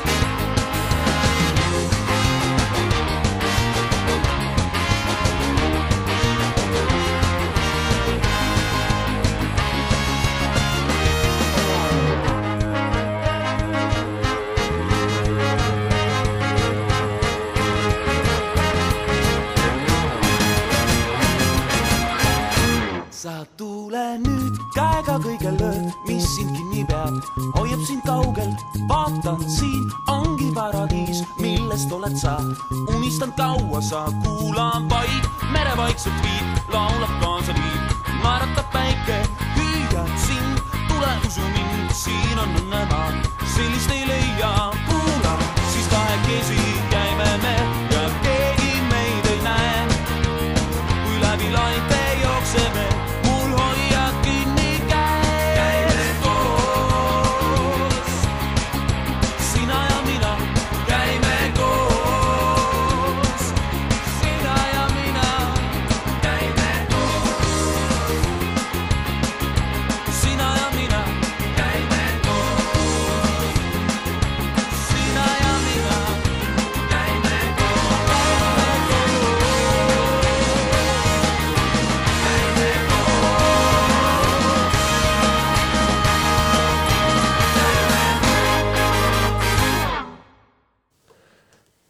ja tere taas, kallid inimesed. kell on kohe saamas üheksa nelikümmend ja äh, mingi loogika järgi võib siit võtta, et see tähendab seda, et äh, Põltsamaal on sünnipäev. eks ole, Samuel? Äh, jah, aga üheksa nelikümmend pole sellega seotud, aga tänane kuupäev küll. nimelt meie armas Põltsamaa linn saab täna üheksakümne kuue aastaseks. Marko, kas eelmine aasta, kui me suuremalt tähistasime selle Roosisaare avamisega, kas siis sa olid ka seal kohapeal? jaa, olin, nautisin, nautisin Roosisaarel seda üritust ja peab, peab mainima, et äh, Roosisaar on ikka väga ilusaks tehtud. et kahjuks nüüd äh, jaanipäeval testisin neid mänge, mis seal ringi saad, et mingi jooksed ja möllad, no aga mina ei saa neist, sellest mängust täpselt aru, mis see on ja kell kümme tõmbab äh, Karro Külanurm sealt juhtme seinast ja, ja, ja siis ei saa enam mängida, nii et ma satun alati kuidagi pärast kümmet sinna, nii et ma ei, ma ei ole proovida ka saanud. kuidas see käib? selles võiski see jama olla, sest et eh, me sattusime sinna öösel, mõtlesime, et ka, et noh, jaanipäev ja mängud on nagu, käivad käsikäes, proovime ka. Aga meie kurvastuseks ei saanud, ei saanud mängida ja ma nüüd jäängi vastuse võlgu sulle. et ma korra varem olen mänginud, aga see oli eelmine aasta, ma väga täpselt ei mäleta. mäletan ainult seda, kus pidi nagu mingi kahe mängija võistlus, mingi rohelised ja punased need nagu LED, need ribad olid postide peal mm. -hmm. ekraanidel ja siis sa pidid jooksma ja neid nagu mingi spänkima. aga mis see, see aga, aga mis see nagu järjekord oli või mis see eesmärk oli, sellest ei saanud täpselt aru. kiiruse peale, ma ei mäleta, kas see järjekord oli nagu päripäeva või see oli täiesti suvaliselt. ma loodan, et oli suvaliselt, siis oleks vähe huvitavam, et paned tutsukirja ära ja siis hakkad otsima, kus järgmine on ja siis nagu peata kana jooksed ringi ja siis oled voilà, siin aga seal on mingeid erinevaid režiime ka. no igatahes tuleb minna proovida millalgi, igatahes see Roosisaar oli jah, kena kingitus ju. Põltsamaa linnale ja, ja need roosid siin on kena vaadata, kuidas lähevad äh, alles äh, õid, õide. aga ka täna me tähistame meie sünnipäeva ja kui mõelda, et on praegu üheksakümmend kuus, siis see kolmekohaline number ei ole isegi kuigi kaugel, kui antakse, äkki me näeme seda. jah, loodame, et näeme. Kuidas äh, sina tähistad tavaliselt siis äh, Põltsamaa linna sünnipäeva, kas on teie peres tehtud ka midagi sellist märkimisväärset? pigem ei ole, pigem ongi lihtsalt rahulikult võtame vastu selle ja siis lähme vaatame linna ja ja no sihuke ei ole midagi erilist. aga vot, kui sada tuleb, siis peaks küll ühe suure rahvapeo korraldama kuidagi. ma arvan, et peaks. et kui juba üheksakümmend viis oli Roosisaar yeah., siis sada, no vot, millega sa selle nagu üle trumpad, et ma ei kujuta ette. ma arvan, siis tuleb nagu korralik reiv teha lihtsalt Roosisaarel või, või teeme Lossi Roosisaare reiv või? teeme, teeme Lossi-hoovi reivi ja lihtsalt ongi mingi nagu hommik te,, teeme, teeme maailmarekordi, maailma pikim reiv, oota Saamuel natuke täida seda, ma guugeldan. aa, sa guugeldad, kui palju, mis maailma kõige pikem reiv olnud, jah ja.? mingisugune Guinessi rekord seal. Eh, nojah, selles mõttes ma ei tea, kui paljud inimesed osaleks. ma ei tea, ma leidsin, see tuleb kohustuslikuks teha. kohustuslikuks, muidu arvatakse Põltsamaa linna elanikkonnast välja, jah? jah, et kõige, kõige pikem reiv Google näitab, et äh, kuuskümmend kaks tundi. kuule, selle trumpab vabalt üle ju. see lõdvalt. jah. Et äh, varasem kõige pikem reiv oli Iirimaal kaks tuhat kuus aastal viiskümmend viis tundi. no see on sihuke nagu käkitegu, see on nagu läkaköhana, see ei ole mitte midagi, mitte midagi hullu. ja ma arvan, et see kuuskümmend kaks tundi, see on läkaköha pluss sihuke õrn nohu. et selle, selle teeme Lõdva randmega üle lihtsalt. jah, see vallavalitsus ostab kõigile Red Bulli ja. ja, ja. ja vahetustega saab ju teha selles mõttes. ja, ja me saame harjutada ka, et viis aastat, ei neli aastat, vabandust, on aega, et Igast, hakkame no, vaikselt nagu harjutama, et eh, mina pakun välja siukse treeningkava, et esimesed kaks aastat on individuaalne ettevalmistus, noh, põhja ladumine nagu tippspordis on eh, hooajaeelselt on siis eh, põhja ladumine, joostakse palju ja hakkame ka siin kõik käime jooksmas, tõmbame füüsilise vormi üles ja siis eh, kaks aastat eh, on täis saanud, siis hakkame eh, natukene nagu õppima, et vaatame õppevideoid, siis meil on vorm hea, baas on ülitugev all, on ju. see on nagu normaalne vundament ja kui me hakkaksime kohe õppima, kuidas reivima või kuidas reivida saab, siis laguneks asi ära, sest et ilma, ilma vundamendita maja ei ehita ja ma arvan, et siis viimistleme ja viimane mingi kuu aega võtame või võtame pool aastat, pool aastat palju, võtame kuu aega siukse puhkuse. inimesed taastuvad, teevad joogat tunnevad, kuidas eh, reivi energia tuleb tagasi kehasse. Ma arvan, siin peab selgitama osadele kuulajatele, mis asi reiv on üldse, et reiv on selline asi, kus mängib selline hästi kõva vaibakloppimismuusika. tuled, tuled välguvad kogu aeg ja, siis inimesed on hästi sellises mingisuguses ekstaasis nagu. ja siis nad selle muusika rütmis kuidagi niimoodi tõmblevad, see ei ole isegi nagu päris tants, vaid see on rohkem ja. nagu tõmblemise moodi äh, midagi sellist.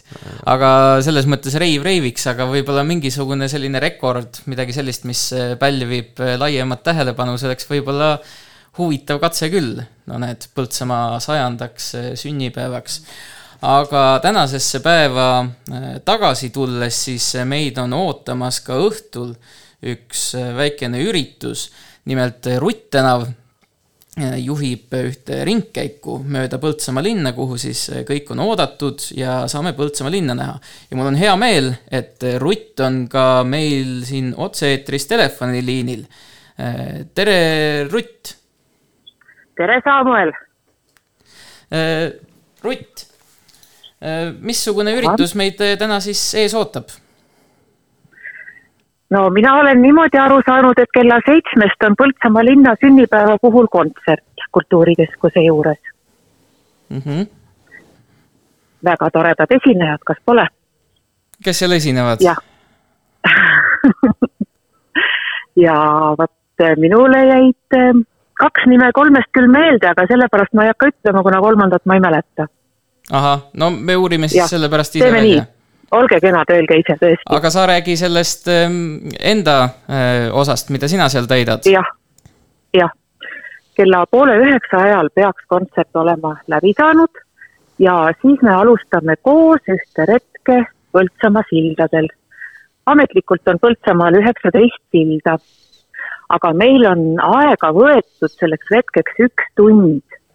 nii et äh, võib-olla me päris kõikide sildade peale ei jõuagi ja nagu kuulutusest lugeda oli, siis üllatus-üllatus, ootavad üllatused.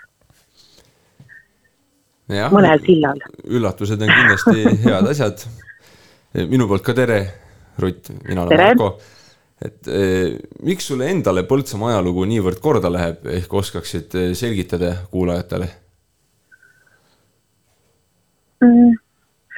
no üks põhjus on kahtlemata see, et kakskümmend aastat oli see minu palgatöö ja absoluutselt mitte keegi teine maailmas ei ole ju kakskümmend aastat järjest uurinud Põltsamaa ajalugu. mina olen.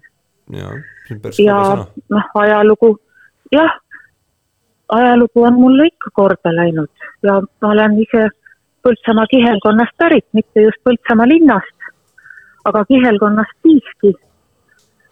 ja ma arvan, et meil oli kodus juba ajalugu hinnas kauges lapsepõlves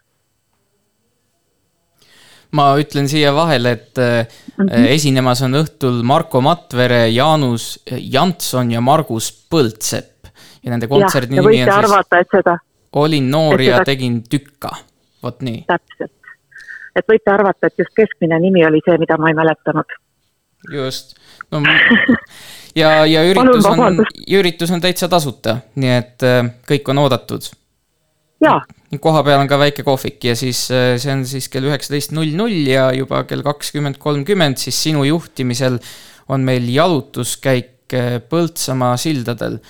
Äh, Rutt, me siin just arutasime, et oma, omavahel ja, ja Markol siin fantaasia läks väga elavaks, et kuidas Põltsamaa võiks tähistada oma sajandat sünnipäeva, mis ei ole nüüd ka ju kuigi kaugel. on sul mingisugune idee kuskil? kõigepealt on muidugi lugu selles, et need on aastapäevad, need ei ole sünnipäevad. ahah, tänan. eks ole, kui nüüd olla niimoodi õige kirja mõttes või. Muidugi, oleme korrektsed, jah. jah, jah.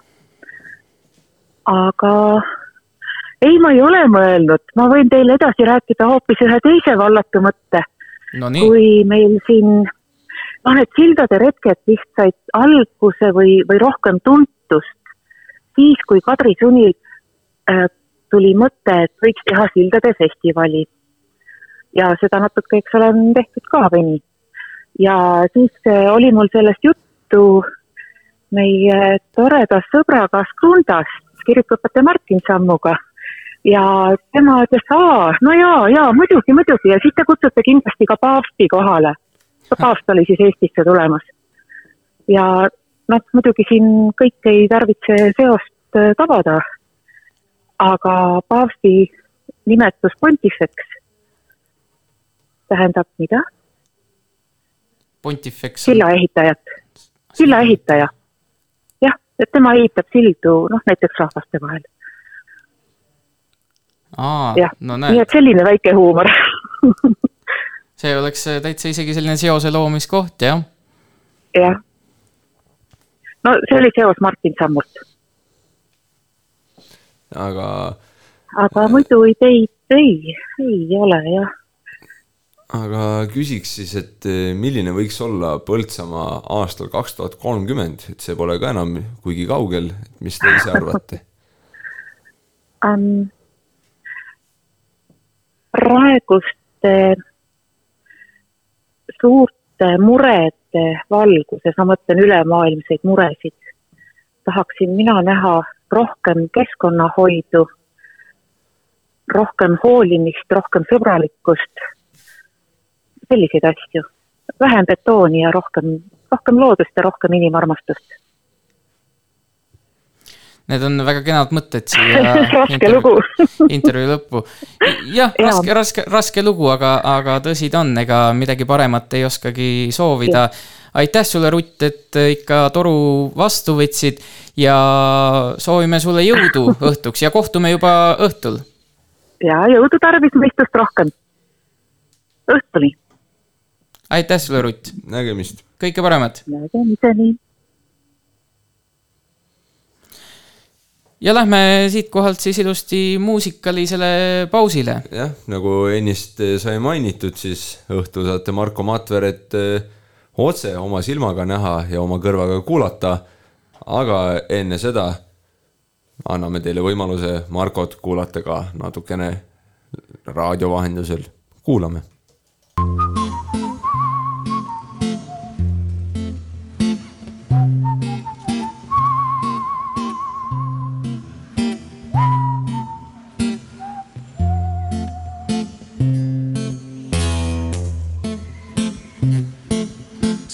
Silver, kus on sinu kullamäed?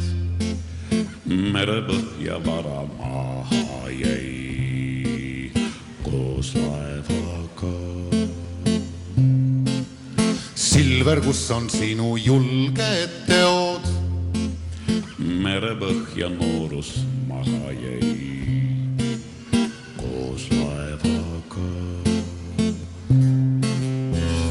Kus on sinu vaasak silm? merepõhja silm maha jäi koos laevaga. Silver, kus on sinu röövlisalk? merepõhja poisid maha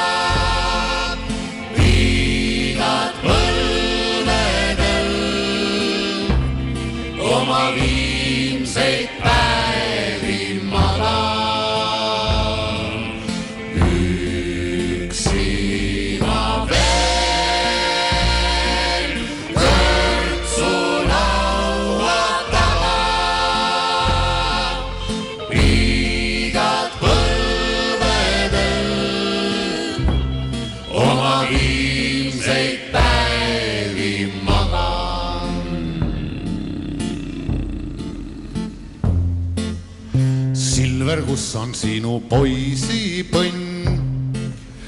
merel sõidab minu poisipõnn musta lipu all. Silver, kus on sinu sünnipaik? laeva kajutis mu sünnipaik musta lipu all. Silver, kus on sinu õige koht?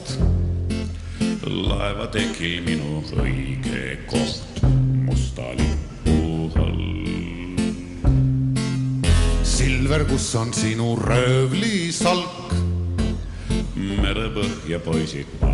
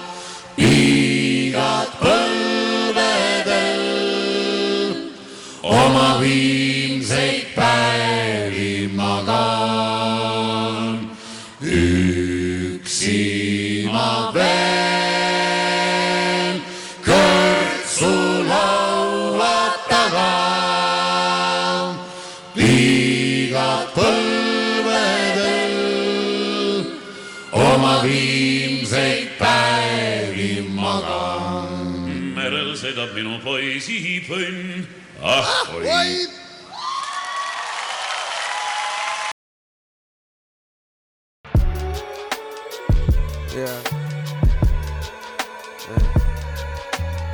Gotta have a space. Yeah. Gotta have a space. I mean, freedom. You know what I mean?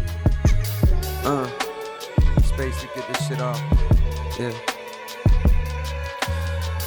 Yeah. Get this shit off my mind, off my chest. Yeah. I mean, yeah. With every record, I be asking the masses to tune your hearts to me. I represent intelligent niggas that grew up harshly. But lately, I've been questioning, second guessing whether or not I've got something to offer since I done eluded poverty. Or has the money watered me down? That truth is hard for me. Like the second time I got cut from the junior varsity. Fighting back tears, I promised to switch gears and said to myself, whatever you do, you won't do it partially. From this day forward, I move with a new ferocity. Ferrari coupe velocity, a fail proof philosophy. Success is in the effort, so if a nigga tried his hardest, I'm at peace knowing God ain't dealing in this group of cars for me. Some people say that I'm running third, they threw the bronze at me. Behind Drake and Dot, yeah, them niggas is superstars to me. Maybe deep down, I'm afraid of my So when you see me on red carpets, I'm moving awkwardly. Posing all nervous, afraid of the judgment. And the thought of showing too much of my day is repugnant. I be keeping my kids away from the gaze of the public. Cause these days it feel like hate is their favorite subject. Fuck it, attitude like a young O'Shea with an AK aimed at your brain, violating, I bust it. I don't play when it come to family, that's one thing I refuse. Pipping they kids out for views or just to be in the news can never be me. I piss in the celebrity tea.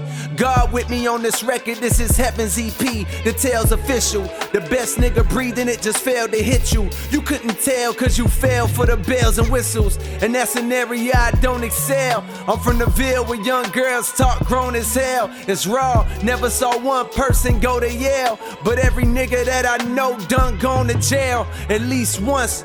Proving we the ones police hunt for the pains we smoke three blunts the size of tree trunks. Too much hunger, it's no wonder these niggas can't keep up. So saying yes to a feature just means I'm about to eat lunch, bitch. I'm going for it, no never shall he punt. I'm the one and you can be sure. Speaking of beachfront, I'm kicking my feet up while I write this in somewhere tropical. Supposed to be relaxing, this passion makes that impossible. Mm. Supposed to be relaxing, this passion makes that impossible.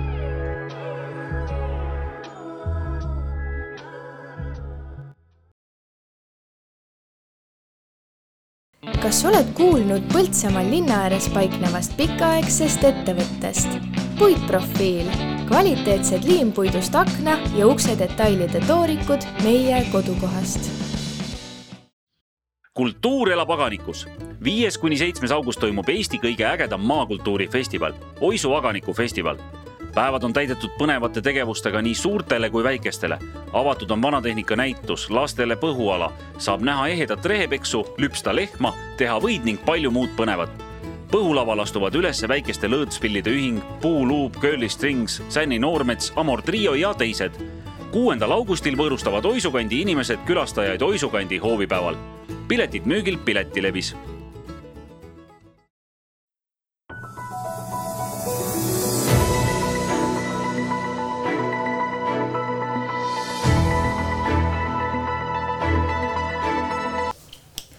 tere, eetris on Põltsamaa raadio uudised. stuudios uudistetoimetaja Johanna Järva. reedel avatakse suvekohvik Papaia. esimesel juulil toimub Kamari veikpargis veikõhtu. esimesest kuni kolmanda juulini toimub Siimusti liiv offroad võistlus. kuningamäel toimub iga-aastane mootorrataste mäkketõus reedel, esimesel juulil kell kuus õhtul avatakse suvekohvik Papaia. avamiskontsert toimub kell kaheksa, kus esinevad Põltsamaa noored. tegemist on Põltsamaa valla kaasava eelarve raames loodud projektiga. suvekohvik on avatud reedest pühapäevani kella kaheteistkümnest kuni kella kümneni. kohvik asub Veski tänaval Ripsilla vastas ja vaatega jõele, räägib Marko Uusküla. kuid äh, tulge kindlasti meile külla, tulge vaadake, millega noored siis Põltsamaal on hakkama saanud. Ning tulge veetke mõnusalt äh, oma perega meie juures aega. Ja loodame teid kõiki näha ka juba siis sellel reedel kella kuuest või kella kaheksast suvekohvik Papaias. Üritus toimub Wakepargi kaheaastaseks saamise tähistamiseks. pakutakse sünnipäevakooki, saab sõita veelauaga, õhtul open mic ja avatud välibaar. kohal on ka DJ Fish ning saarel süütatakse lõke. üritus algab kell seitse ja kestab südaööni. räägib Joel Pärle. homsel meie sünnipäeva vapiõhtul siis äh, toimub äh, ütleme siis sünnipäeva pidulik osa, pidulik minut on open mic õhtu, kus on erinevaid äh, artiste, esinejaid juba avaldanud soovi, et tulevad äh,, mängivad, näitavad teistele, kuidas, mida saab teha. ja siis seal on kaks vaba viieteistminutilist äh, auku, kuhu keegi, kes veel pole oma soovi avaldanud, aga tahab tulla, saab, saab lisanduda. pakume kooki, seisame veelauda ja mängime välimaaris, et Siimu stiili offroad võistlusel näeb võistlemas ATV-sid, veoautosid, maastureid, mootorrattaid ja palju muud põnevat. Offroad orienteerumisvõistluse eesmärk on leida maastikuautoga võimalikult palju maastikule paigaldatud kontrollpunkte ja seda ette nähtud koordinaatide põhjal. täiskasvanu ühe päeva pilet on viisteist eurot ja kümne kuni kaheksateistaastase noore pilet kümme eurot. võimalik on ka soetada mitme päeva pileteid. lisainfo lehel rahvaoffroad.ee teisel juulil toimub Kuningamäel taas kord moto-, teisel juulil toimub Kuningamäel taas kord mootorrataste mäkketõus, jätkab Kätlin Toom. Tegemist on Eesti meistrivõistluste kolmanda etapiga. üritus algab kell kaksteist, pilet on kümme eurot ning arveldamine vaid sularahas. koha peal saab ka süüa ja juua. lastele toimub limonaadijooks, naistele siidrijooks ja meestele õllejooks. räägib ürituse peakohtunik Taavi Lepik mäkketõus, mootorrataste mäkketõus kui selline on üks vaatemängulisemaid spordialasid üldse. pakub eh, publikule hästi palju oma kukkumiste ja, ja ka kiirete sõitudega sellist adrenaliini ja, ja põnevust vaatamisel. see on ka Eesti meistrivõistluste nüüd see aasta kolmas etapp, et, et kindlasti on kõik kiiremad sõitjad kohal, et tasub tulla vaatama Eesti kiiremaid sõitjaid mina olen toimetaja Kätlin Toom ja kolmekümnendal juunil ilmpunkti andmetel on täna vähese ja vahelduva pilvisusega oluliselt sajuta ilm. Puhub valdavalt idakaare tuul kolm kuni kaheksa meetrit sekundis, rannikul puhanguti üksteist meetrit sekundis. õhutemperatuur küündib kahekümne kuue kuni kolmekümne ühe soojakraadini, rannikul paiguti kahekümne kahe kraadini Raplas on kakskümmend kaheksa soojakraadi, Viljandis ja Võrus kakskümmend seitse, Tartus ja Põltsamaal kakskümmend kuus, Tallinnas kakskümmend kolm, Jõhvis kakskümmend kaks ja Kuressaares üheksateist soojakraadi. eetris olid Põltsamaa raadio uudised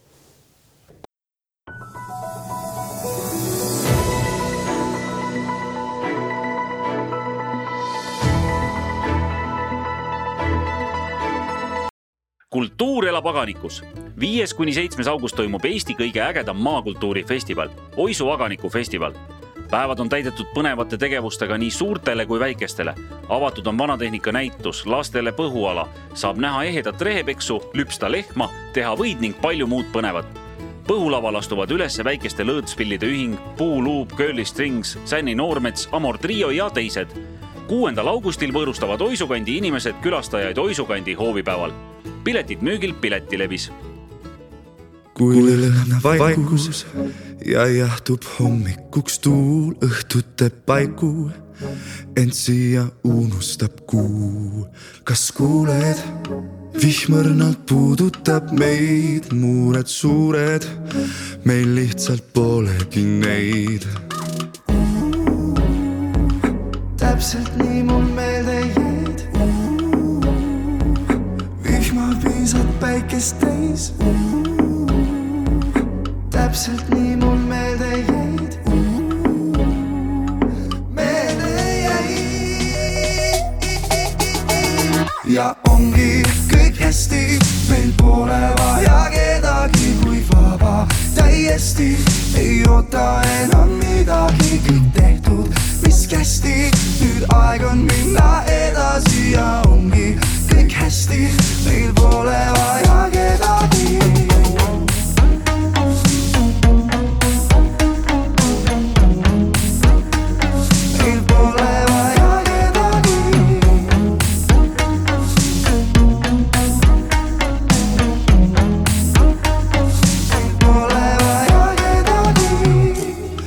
Seal kaugel-kaugel paistab päev ja pilgul raugel valgust näed.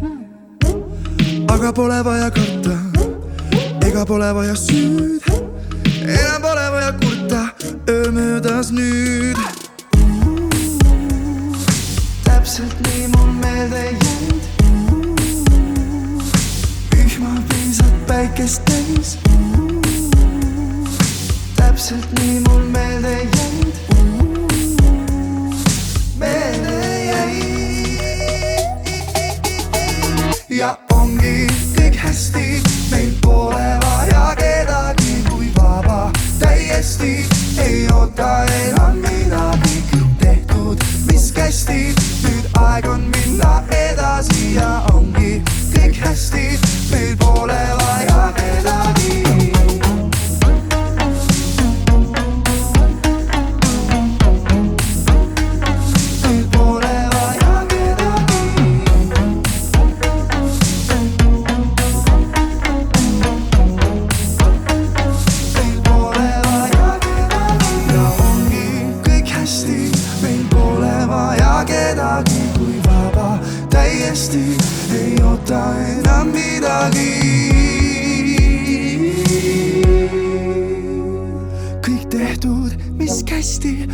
Aeg on minna edasi ja ongi kõik hästi, meil pole vaja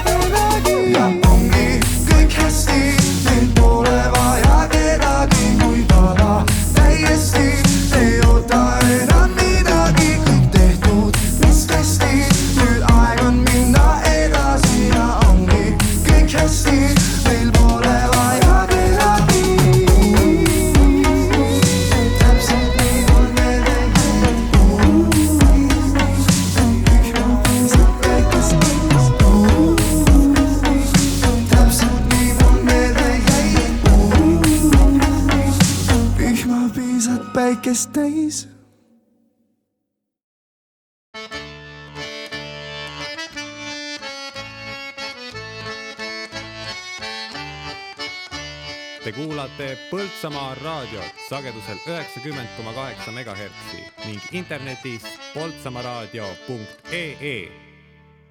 tõepoolest, tegemist on jätkuvalt Põltsamaa raadioga ning meid on võimalik kuulata internetis poltsamaaraadio.ee või siis sagedusel üheksakümmend koma kaheksa lood on sellised, et kes meid internetis kuulavad, teid me näeme, kui palju teid on, aga FM-sagedus on selline tore asi, et me ei tea, kui palju teid on, meie kuulajaid.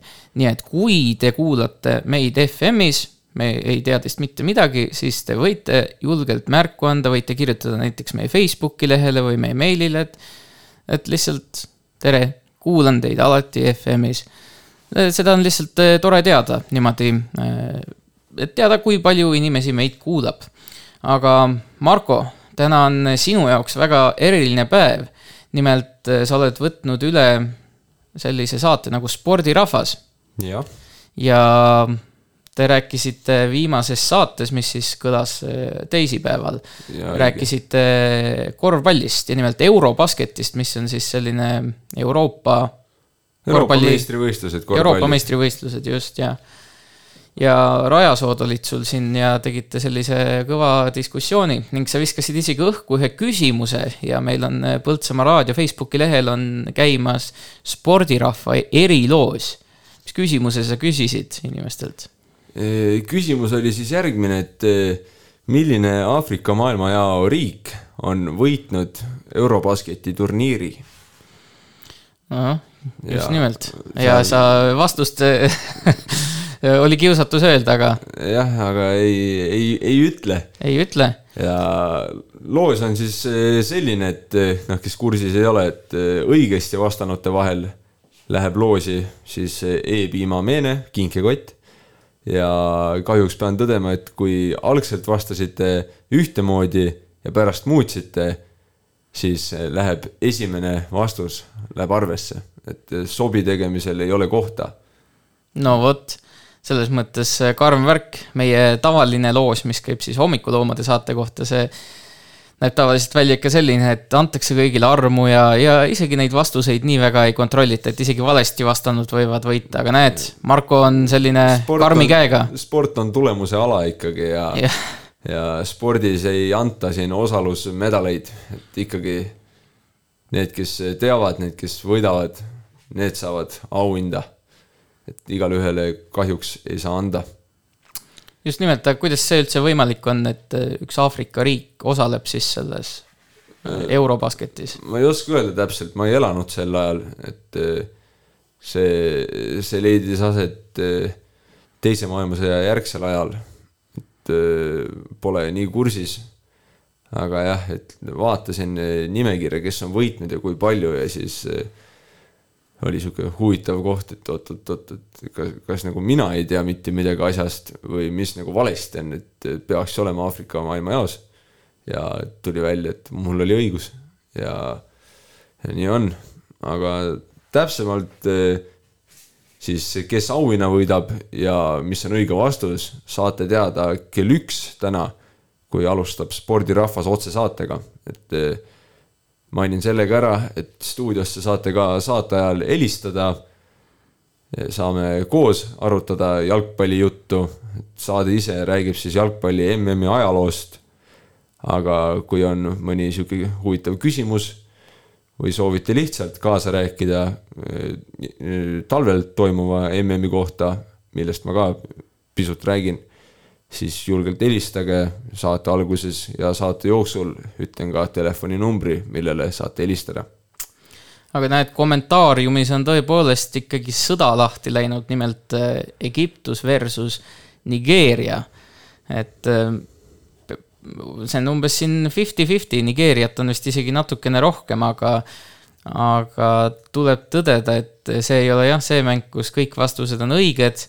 nii et üks nendest on vale aga siis täna juba kell üks Marko teeb teatavaks selle, et milline vastus on õige, milline Aafrika maailmajao riik on siis tegelikult selle Eurobasketi turniiri äh, kinni pannud.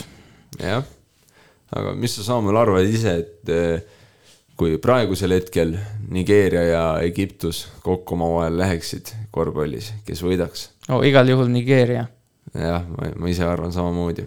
igal juhul Nigeeria, jah, selles ja. mõttes, et seal pole küsimustki. kusjuures, kui tohib, ma viskan oma pakkumise ka siin õhku, et sa võid siis seda ka arvestada, mina arvan hoopis, et Kambja. no paku julgelt. on see, et ma tahan noh, täiesti kolmandat teed minna, et, et ma, ma, ma arvan, et see on ikkagi Kambja, jah. kust tuli? äkki Etioopia? kust tuli sihuke vastus nagu Kambja? et kus, kust tekkis selline seos praegu? No ma mõtlen, et kui on korvpall, siis ikkagi kas Kambja või Etioopia. ja kas sa mõtled seda, mis see Tartumaal see Kambja või nõrga G-ga Kambja Gambia, mitte, mitte Kambja. aga tead, kunagi oli naljakas lugu, et ma kuulasin ühte, ühte podcast'i ja siis seal üks äh, naisterahvas rääkis, kuidas ta käis Kambjas valimisvaatlejana ja kuidas seal on nagu mingisugune suured relvaärid ja kuidas mingisugune lapsi tapetakse tänavatel ja et mingid suured probleemid on ja su-, räige korruptsioon ja siis mul on üks sõber, kes elab, elab oma naise ja kahe hästi väikse lapsega Kambjas ja ma mõtlesin, et, et mida pekki, et mis Kambjas toimub nagu, et kas, kas mu sõbraga on kõik korras, ma pean talle helistama. käisin just ühtede sugulaste haual seal ja niimoodi, et, et nagu mina küll sellist Kambjat ei näinud. mina nägin ainult seal mingit ühissauna, kus need kollased vannikesed olid, eks. aga, sa, sa aga ma tea. pool saadet mõtlesin, et ta räägib Kambjast, et ta oli Kambjas valimisvaatleja jah, sa võib-olla ei tea, mis seal toimub. ega ei tea jah, võib-olla vaata, see on nagu seal nagu Nõukogude Liidus oli omal ajal või nagu Põhja-Koreas on täna, et kui turistid tuuakse, siis yeah. on sellised kenad poed, kust veetakse inimesi läbi ja näidatakse, et meil on niimoodi kõik hästi, aga aga kui suured külalised välja lähevad, siis äh, läheb tavaline elu edasi. reaalsus võib tihtipeale olla karm. jah, just nimelt.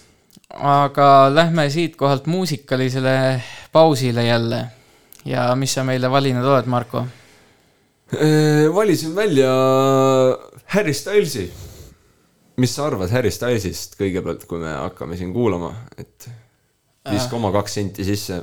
ma sain hiljuti teada, et ta üldse olemas on, sest ma vaatasin Kuldvillaku saadet ja sealt küsiti, et kes see One Directioni lau-, laulja on, et ma ei olnud üldse kursis. enne kui me muusikat kuulame, räägime Kuldvillakust. Et mulle meeldib ka seda vaadata, ma ise olin ajateenistuses, siis pühapäeviti ei saanud seda teha. aga nüüd lõpupoole sai esmaspäeval minna linnalaalt tagasi ja siis sai nautida. et eh, vaatasin, ükskord oli sihuke huvitav, huvitav seis, et eh, üks härrasmees eh, oli väga selle nupu vajutamise ekspert, vajutas nupu ära ja ja siis vastust ei tulnud ja siis Eva Esse ütles ka, et sa oled väga kiire nupuvajutaja, aga aju ei tule järgi.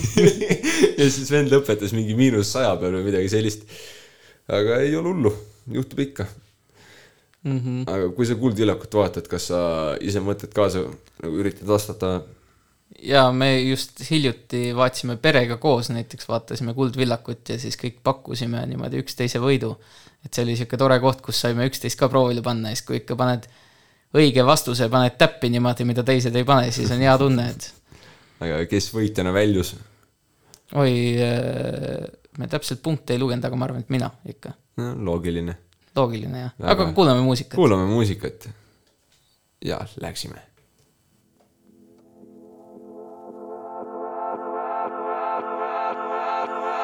Sunflower. Sunflower,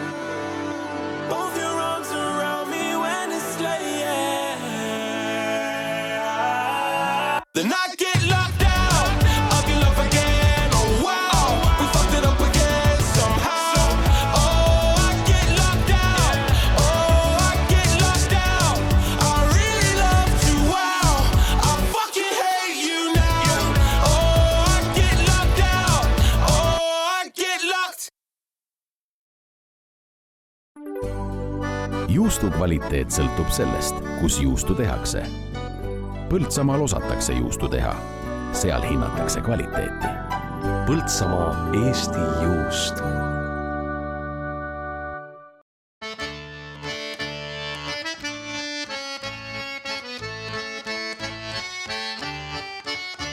Te kuulate Põltsamaa raadiot sagedusel üheksakümmend koma kaheksa megahertsi ning internetis poltsamaaraadio.ee saime õige pisut laulu kuulatud.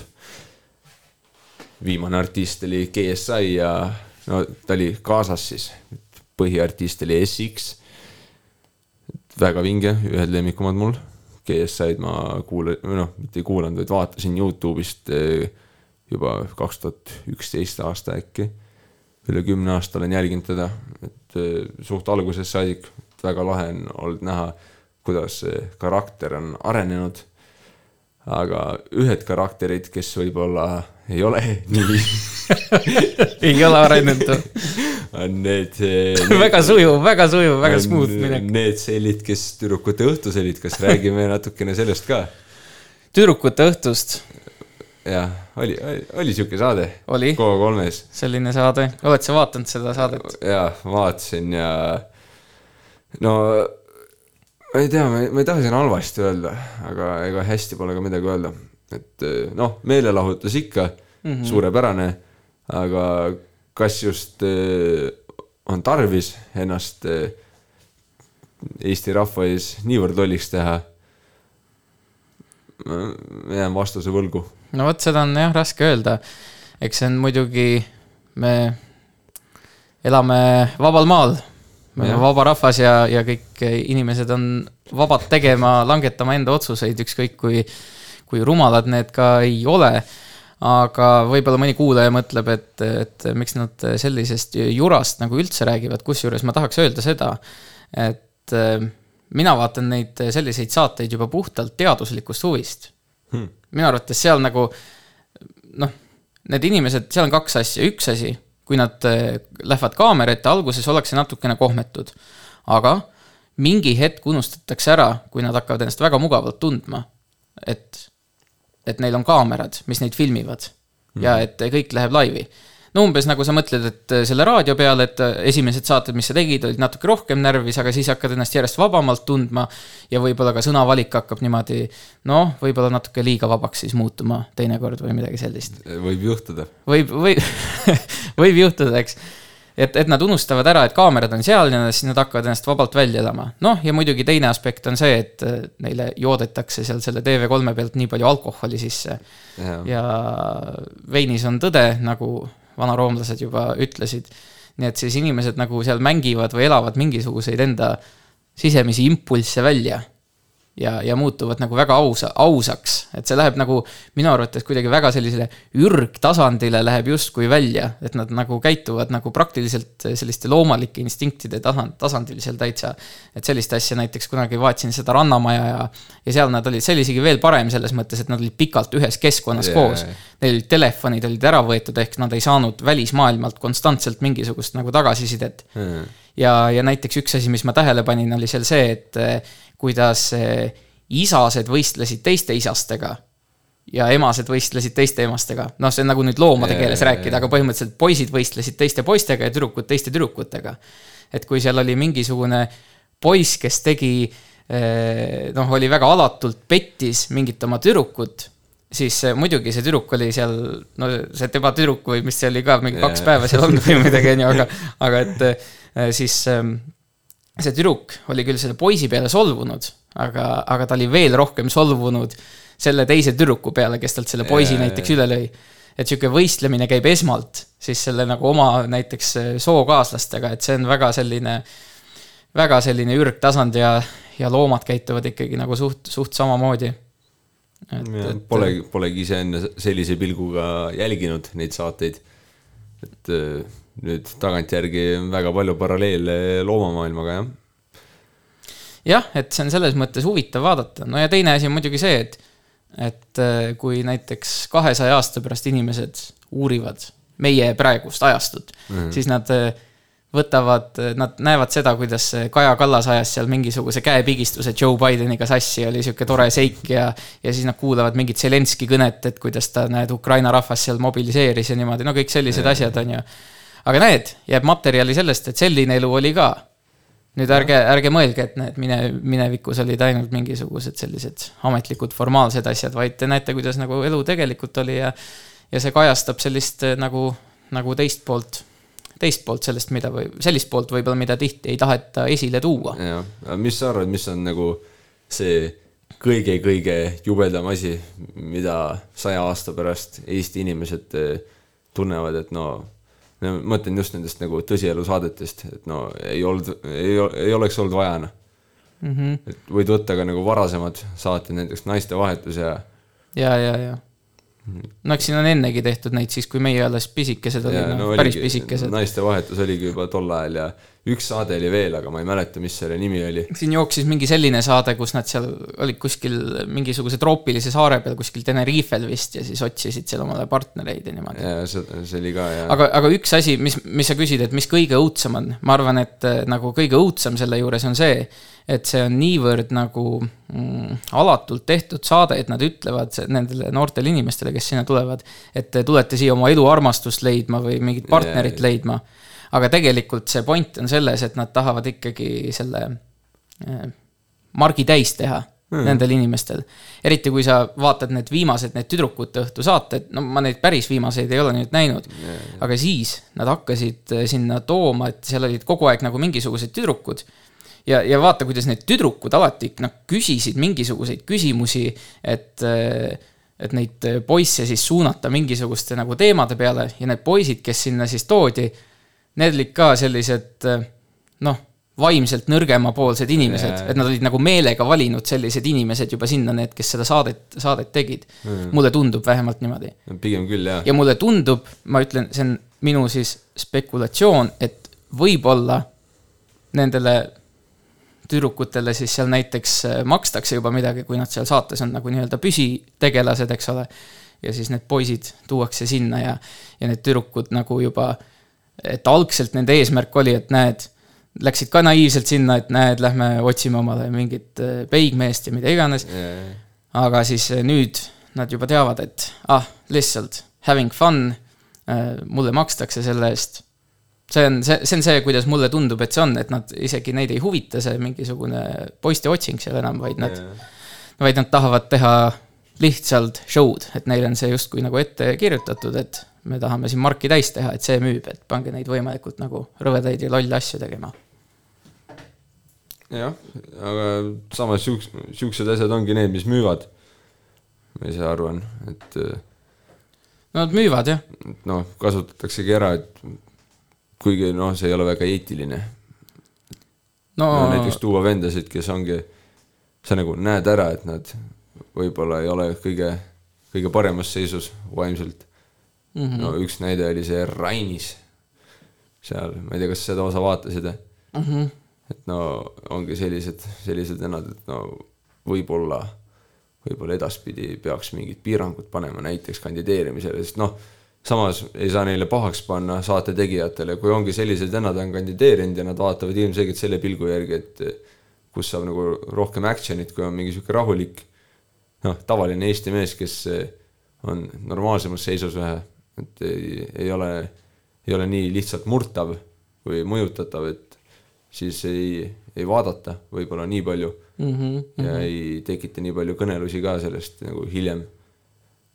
No ma ei tea, oligi, kaitseväes oli ka, tuli see uus osa välja, vaatasime ära seal poistega ja siis pärast rääkisime, et issand, tema oli ikka selline ja tema oli ja, selline ja, ja. ja aga oleks mingi normaalne, noh, oleks mingi sihuke keskmine Eesti mees, Mart, sihuke tugev Eesti mees, maalt ja hobusega, aga normaalne mees, siis võib-olla poleks rääkinud nii palju. no vot, ei kujuta ette jah, eks nad seal eh, selles mõttes kangutavad ka neid ikka, et Jaa. et ma kujutan ette, et seal kaadrite taga on võib-olla see, et et noh, teinekord nad norivad seal, et näed, et vaata, kui täis keegi jäi, aga ma kujutan ette, et nad tegelikult nagu julgustavad inimesi seal mm. alkoholi pruukima ikkagi kõvasti. samamoodi on, ma olen vaadanud need, kes seal osalenud on, on rääkinud sellest, kuidas eh, eh, klipid on eri kohtadest kokku lõigatud, et tekitadagi sellist nagu muljet, nagu oleks asi üldse teistmoodi Mhm. Ma head näidet ei oska siin tuua kohe, aga ongi mingid intervjuuklipid, näidatakse mingit tavaklippi ja siis võetakse intervjuust mingi koht, kus keegi on nagu nojah, umbes niimoodi ja jah. mingi ohkavad ja siis pannakse need kokku, et tekitada muljet, et no ma ei tea, selle peale ohkab, aga tegelikult tal on jumala savi sellest. Mhm. et ma ei, ma ei tea, see on sihuke karm maailm. jah, need on huvitavad saated selles mõttes, et ki- kindlasti, et et võib-olla nüüd tu- tuleb endale ka tuhka pähe raputada, et näed, et sellega sa justkui toidad seda süsteemi, on ju, et me räägime, et need on pahatahtlikult tehtud saated. lihtsalt, et neist inimestest siis kõik nagu välja lüpsta, mis vähegi, vähegi saab Mhm. aga, aga noh, eks kindlasti, kui see saate tegija oleks näiteks siin, siis tema mõtestaks seda kuidagi teistmoodi lahti, need inimesed ise tahavad sinna tulla ja neil on vaba valik Jaa. ja näed, nemad saavad ka kuulsaks seal. kes kuida-, kes kuidas ja niimoodi. eks sellest poolest peab ka aru saama, et kui vaadata esimese Rannamaja hooaja inimesi, siis eh, no kes seal põhilised olid, Seidi, siis see Aada. No kes iganes, jah, see polegi nii oluline. siis, kes seal veel olid, aga nad on nagu eh, suunamudijana endale siis nagu nime teinud, et sealt said põhja alla ja nüüd on nii-öelda mingi internetikuulsused. Mhm. see on ka nagu üks võimalus, kuidas, kuidas seda positiivselt ära kasutada, kogu seda tähelepanu jah, ja näed, nüüd ma siin loengi, et tuleb uus saade. et nii ka TV, aa, see on ka TV3 vist jah, näed, et Brigitte Susanna Hunt, uus telesari Vallaline kaunitar, kus ta siis hakkab endale nagu meest otsima. aga tead, mina kahtlen selles, et kas ta tegelikult otsib seal siis niimoodi, niimoodi armastust või siis see on rohkem ikkagi selle, see on, see on ikkagi show rohkem, sa niimoodi tead, ma arvan, see raha on palju suurem motivaator seal. ja, ja selles mõttes see motivatsioon selle saate tegemise taga on ikkagi, et võib-olla inimesi, noh, ma mõtlen need inimesed, kes sinna lähevad, et neid siis kuidagi nagu kasutatakse selles mõttes kurjast, kurjasti ära ja, ja seda ma pean küll ütlema, et kui keegi ütleb, et aga need inimesed ise teevad oma vabad valikud ja ega seal enamus ei ole ikkagi, ma ei tea, vaimselt nõrgameelsed, eks, eks ole aga noh, ega inimene ei tea alati, mis talle kõige parem on. et kui mina oleks elus alati teinud neid, neid otsuseid, mida ma olen tahtnud teha, ja ei oleks näiteks niimoodi, et keegi oleks mulle siis piiri peale pannud näiteks vanemad, eks. noh, mõtle ise, ma arvan, kõik võivad seda öelda. et siis oleks palju parem. aga teeme väikse muusikalise pausi, muidu me jahume siin liiga kaua. no teeme, aga ütle nüüd sina, Samuel, sa pole kordagi veel soovilaulu avaldanud. mida sa tahad kuulda? ütle nüüd sina mida, mida või keda me kuulame? aga kuulame Kalevimeeste Põltsamaa laulu. see on eh, tore laul, mida, mida alati kuulata. sa lasid siin räppi vahepeal päris palju. aga see on selline legendaarne Põltsamaa lugu ja, ja video on ka nii vahva, kuidas, kuidas mehed seal koos laulavad. aga, aga kuulame. Kalevimehed Põltsamaa. just nii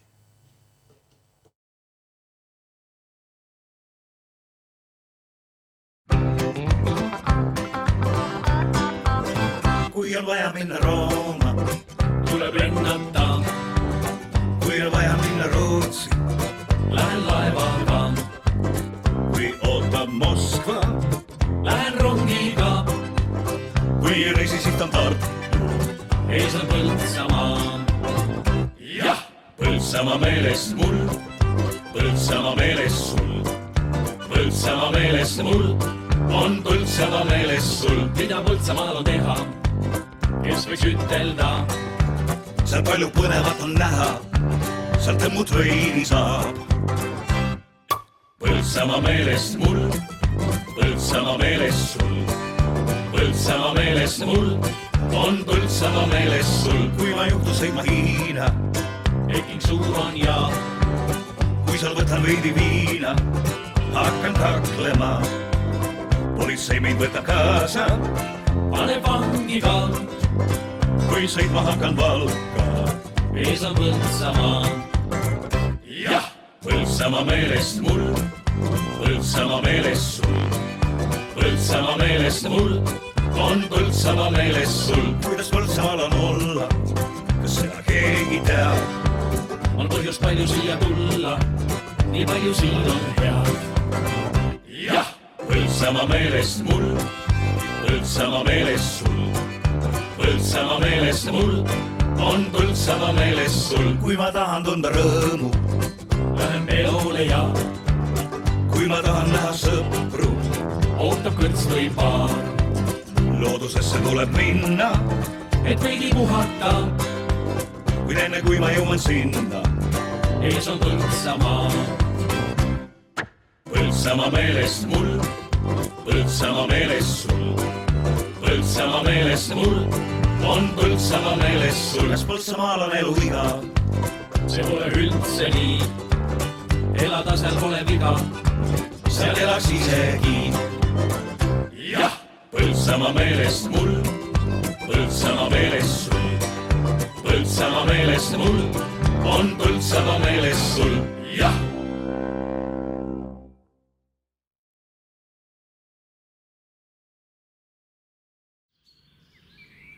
suvi, päike ja muidugi Põltsamaa valla sõnumid.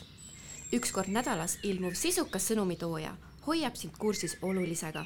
vaata lisa pvs.ee.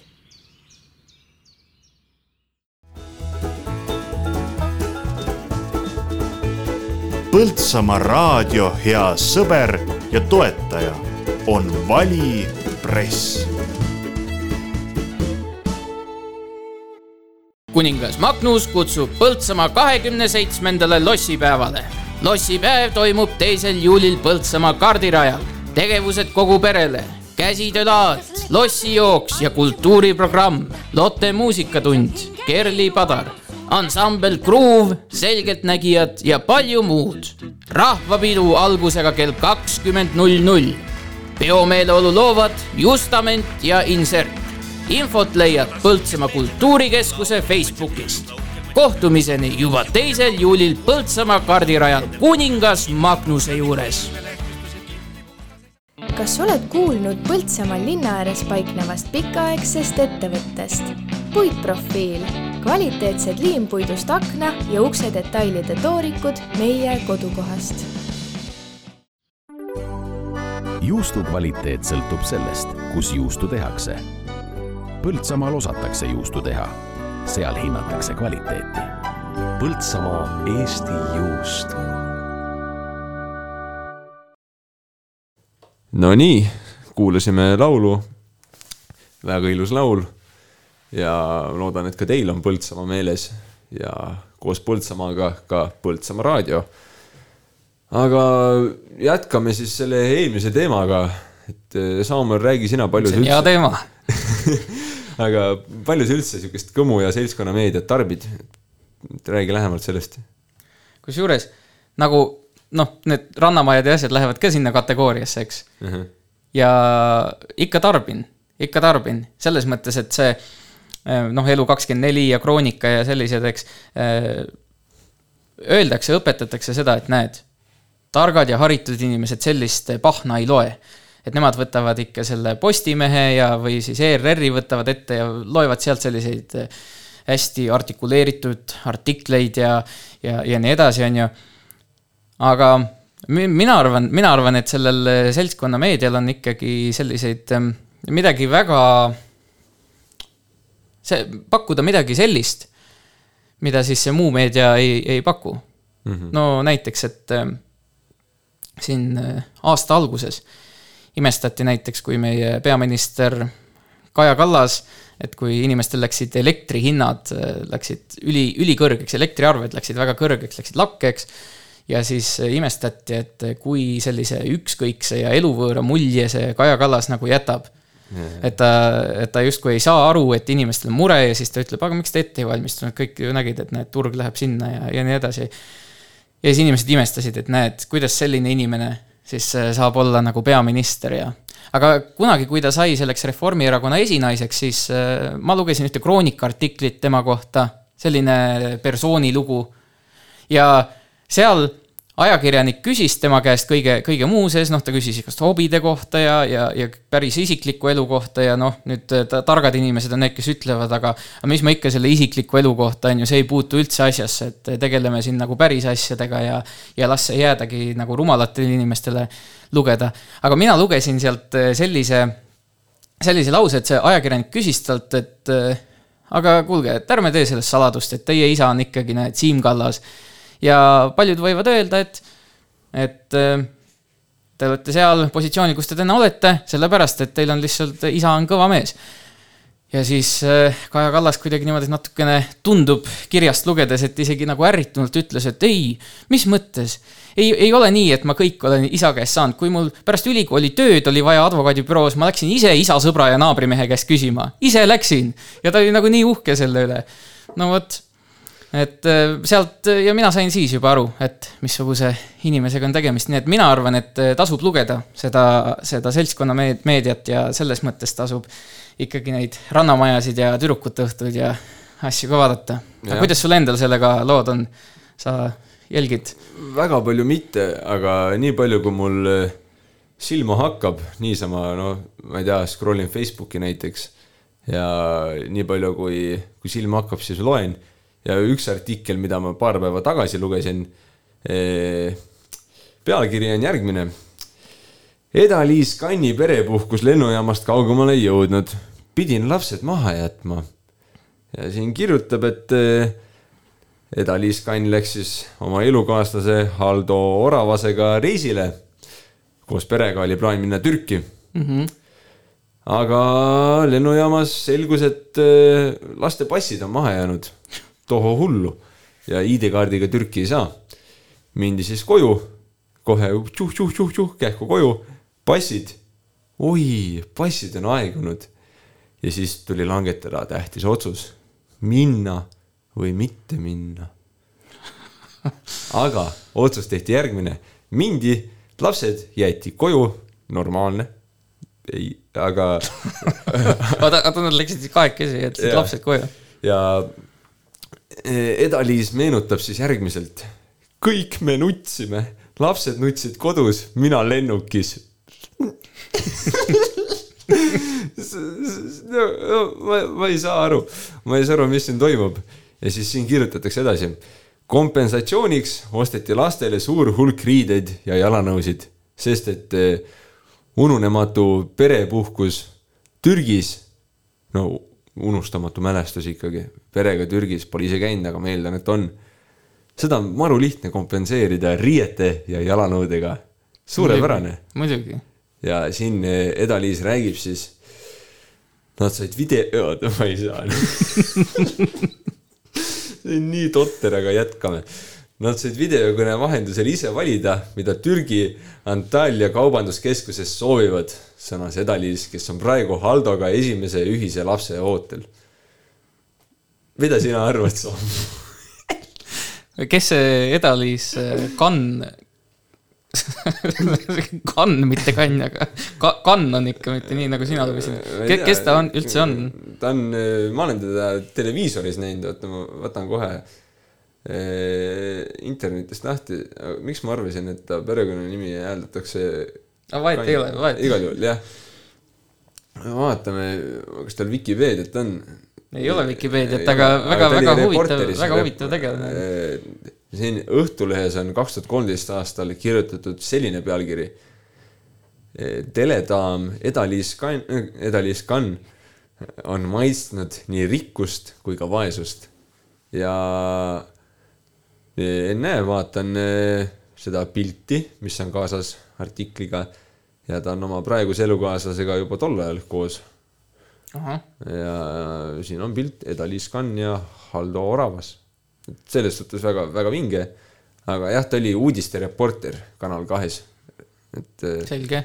nojah, see oli minupoolne prahmakas, et ma ei, siis ei teadnud teda, et teinekord Pole hullu. ei, teinekord eh, mõnitatakse niimoodi või kuidagi üritatakse niimoodi ära panna, näe, ma ei teagi, kes see inimene on, aga ma ei tahtnud üldse seda öelda, ma lihtsalt siiralt ei teadnud, teadnud, kellega tegemist on, aga näed, nüüd me oleme jälle tegelikult eh, natukene maad targemad, nagu ma enne ütlesin, et tuleb eh, lugeda ka seda seltskonnameediat.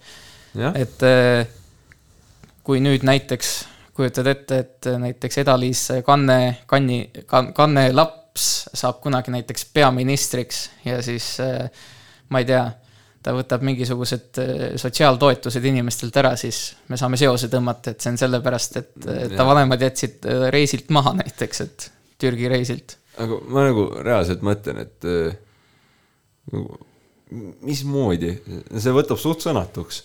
mul endal lapsi ei ole veel, tulevikus võib-olla on, võiks olla iseenesest. loodetavasti ikka, jah. jah, aga kuidas sa lähed nagu reisile nii, et sa otsustad, et eh, pidi olema perereis, aga kuulge, väiksed nunnukesed, te ei tule. ei, ei saa, issi-emme mähkisid ära sellega, et eh, passe ei ole teil ja ja selle karistuseks peame me nüüd kahekesti minema, et me karistame ennast, lähme kahekesti puhkusereisile, mitte perega. et tundke meile kaasa, me nutame lennukis, te nutke kodus see, see on sama nagu see, et kui rikas inimene on kurb, siis tema nutab oma Ferraris, aga sina nutad oma kodudiivanil, sest et sul ei ole Ferrarit. nagu see ei, ei, ei, ei, ei, ei, ei, ei, ei toimi. ja, ja, ja eks ta jah, selline lugu ole, eks see oli kindlasti raske valik ja, ja, ja eks siin on äh, elu koosnebki rasketest valikutest, aga näed, mina loen äh, Kroonikast hoopis järgmise äh, pealkirja, et äh, Brigitte Susanne Hunt jälle, kellest me ka enne rääkisime, et äh, hakkab omale armastust otsima siis äh, uues saates, ütleb seda, et tema ei saa aru, et miks surrogaatemadus on, on keelatud Eestis. ja siis argument, mille tema toob surrogaatemaduse legaliseerimise kasuks on see, et ta ei suuda, suuda ennast šampaaniast eemale hoida. Fair point. No fair point jah, selles mõttes, et äh, Vähemalt rohkem argumente ei olegi vaja. jah, vähemalt on aus iseenesest, et äh, kindlasti ei ole vaja äh, last sünnitada nii, et sa eelnevad üheksat kuud, üheksa kuud lihtsalt ongi martini käes ja Mhm. pralle käib ja kõik see, et no selles suhtes ma saan aru temast. ja võib-olla, kui tal tulevikus on plaan lapsi saada, siis äkki peaks võõrutusravile minema. No see on nüüd äh, selline väga far-fetched väide iseenesest, aga, aga no ma ei tea, eks see on siis selles mõttes tema enda otsus ja Jah. niimoodi, aga, aga et noh, samas see, see on ka jälle selline asi, et näed, et, et selle asemel, et ennast muuta, sa üritad muuta maailma Jah. enda, enda ümber. aga ma ütleks, et see ei ole nii, nii nagu far-fetched, et võib-olla tal ongi reaalne probleem ja ta ja see on ainult spekulatsioon, eks ütle. see on, see on ainult spekulatsioon, selle, sellepärast ma ütlengi võib-olla. et eh, ehk on nii, et see on eh, tema hädahüüe, et tal ongi reaalne probleem eh, šampanjaga. ja siis ta üritab seda probleemi lahendada, juues šampanjat. aga võib-olla tõesti äkki sealt saatest tulebki üks mees, kes lõpuks tead, kodustab selle, selle naise ära ja teeb nagu selles mõttes noh, kuidagi otsib nagu stabiilsust oma ellu, võib-olla tõesti, Jah. jah, ei kujuta ette. kõik on võimalik. aga ma vaatan, et meil on kaheksa minutit jäänud veel. hommiku Aga- hommikuprogrammi, kas kuulame laulu ja siis tead, ma arvan, tõmbamegi siin selle hommikuprogrammi kokku. tegelikult ka ja, ja et eh, kahju muidugi, et see viimaseks jäi siis Brigitte Susanne Hundi süva, isiklik süvaanalüüs jäi selleks, selleks viimaseks noodiks, millega me selle hommikuprogrammi lõpetame, aga juba täna kell üks on Marko, sina oled jälle otse-eetris. jah, spordirahvas, Ja kuulake. ja räägid mitte siis äh, hundist ega kann-, kannust, vaid räägid spordist, jalgpallist. jalgpallist. aga selleks, et eh, saade ei lõpeks sellisel toonil, nagu ta just oleks äsja lõppenud, siis äkki kordame üle, mis sündmused siis lähipäevil tulemas on. Õhtul Põltsamaa sünnipäev, üheksakümne kuue aastaseks saab, või ei ole sünnipäev, tähtpäev, vabandust. aastapäev, aasta, aastapäev, jah. jah, aastapäev, ma väga vabandan. vabandust, Rott. jah, siirad vabandused ja siis eh, eh, laupäeval lossipäevad Kuningamäel, Mäkke-tõus Kuningamäel ja Rally Cross Piirajal. aga nüüd vast võib joon alla tõmmata ja, ja aga aitäh Jah. ja Põltsamaa raadio kuulajad, sa siis kuulasid eh, hommikuloomade hommikuprogrammi ja kuulake ikka Põltsamaa raadiot edasi, nüüd kohe algab saade Põltsamaa inimesed, kus eh, Anett kutsus endale külla maailmaränduri Ats Remmelgu, kes eh, on siis nagu meie kandi poiss. aga tema on igal pool maailmas ringi käinud ja palju näinud ja juba pärast seda on siis eh, uudisteaeg käes taas ja selle järel Elu meie ümber, mida siis Johanna Järva ja Iiris Pook on vedanud ning ähm, juba siis äh, kell üks spordirahvas. aga püsige ikka Põltsamaa raadiolainel ja soovime teile kõike paremat, jõudu, jaksu ja uute kohtumisteni. aitäh teile, nägemist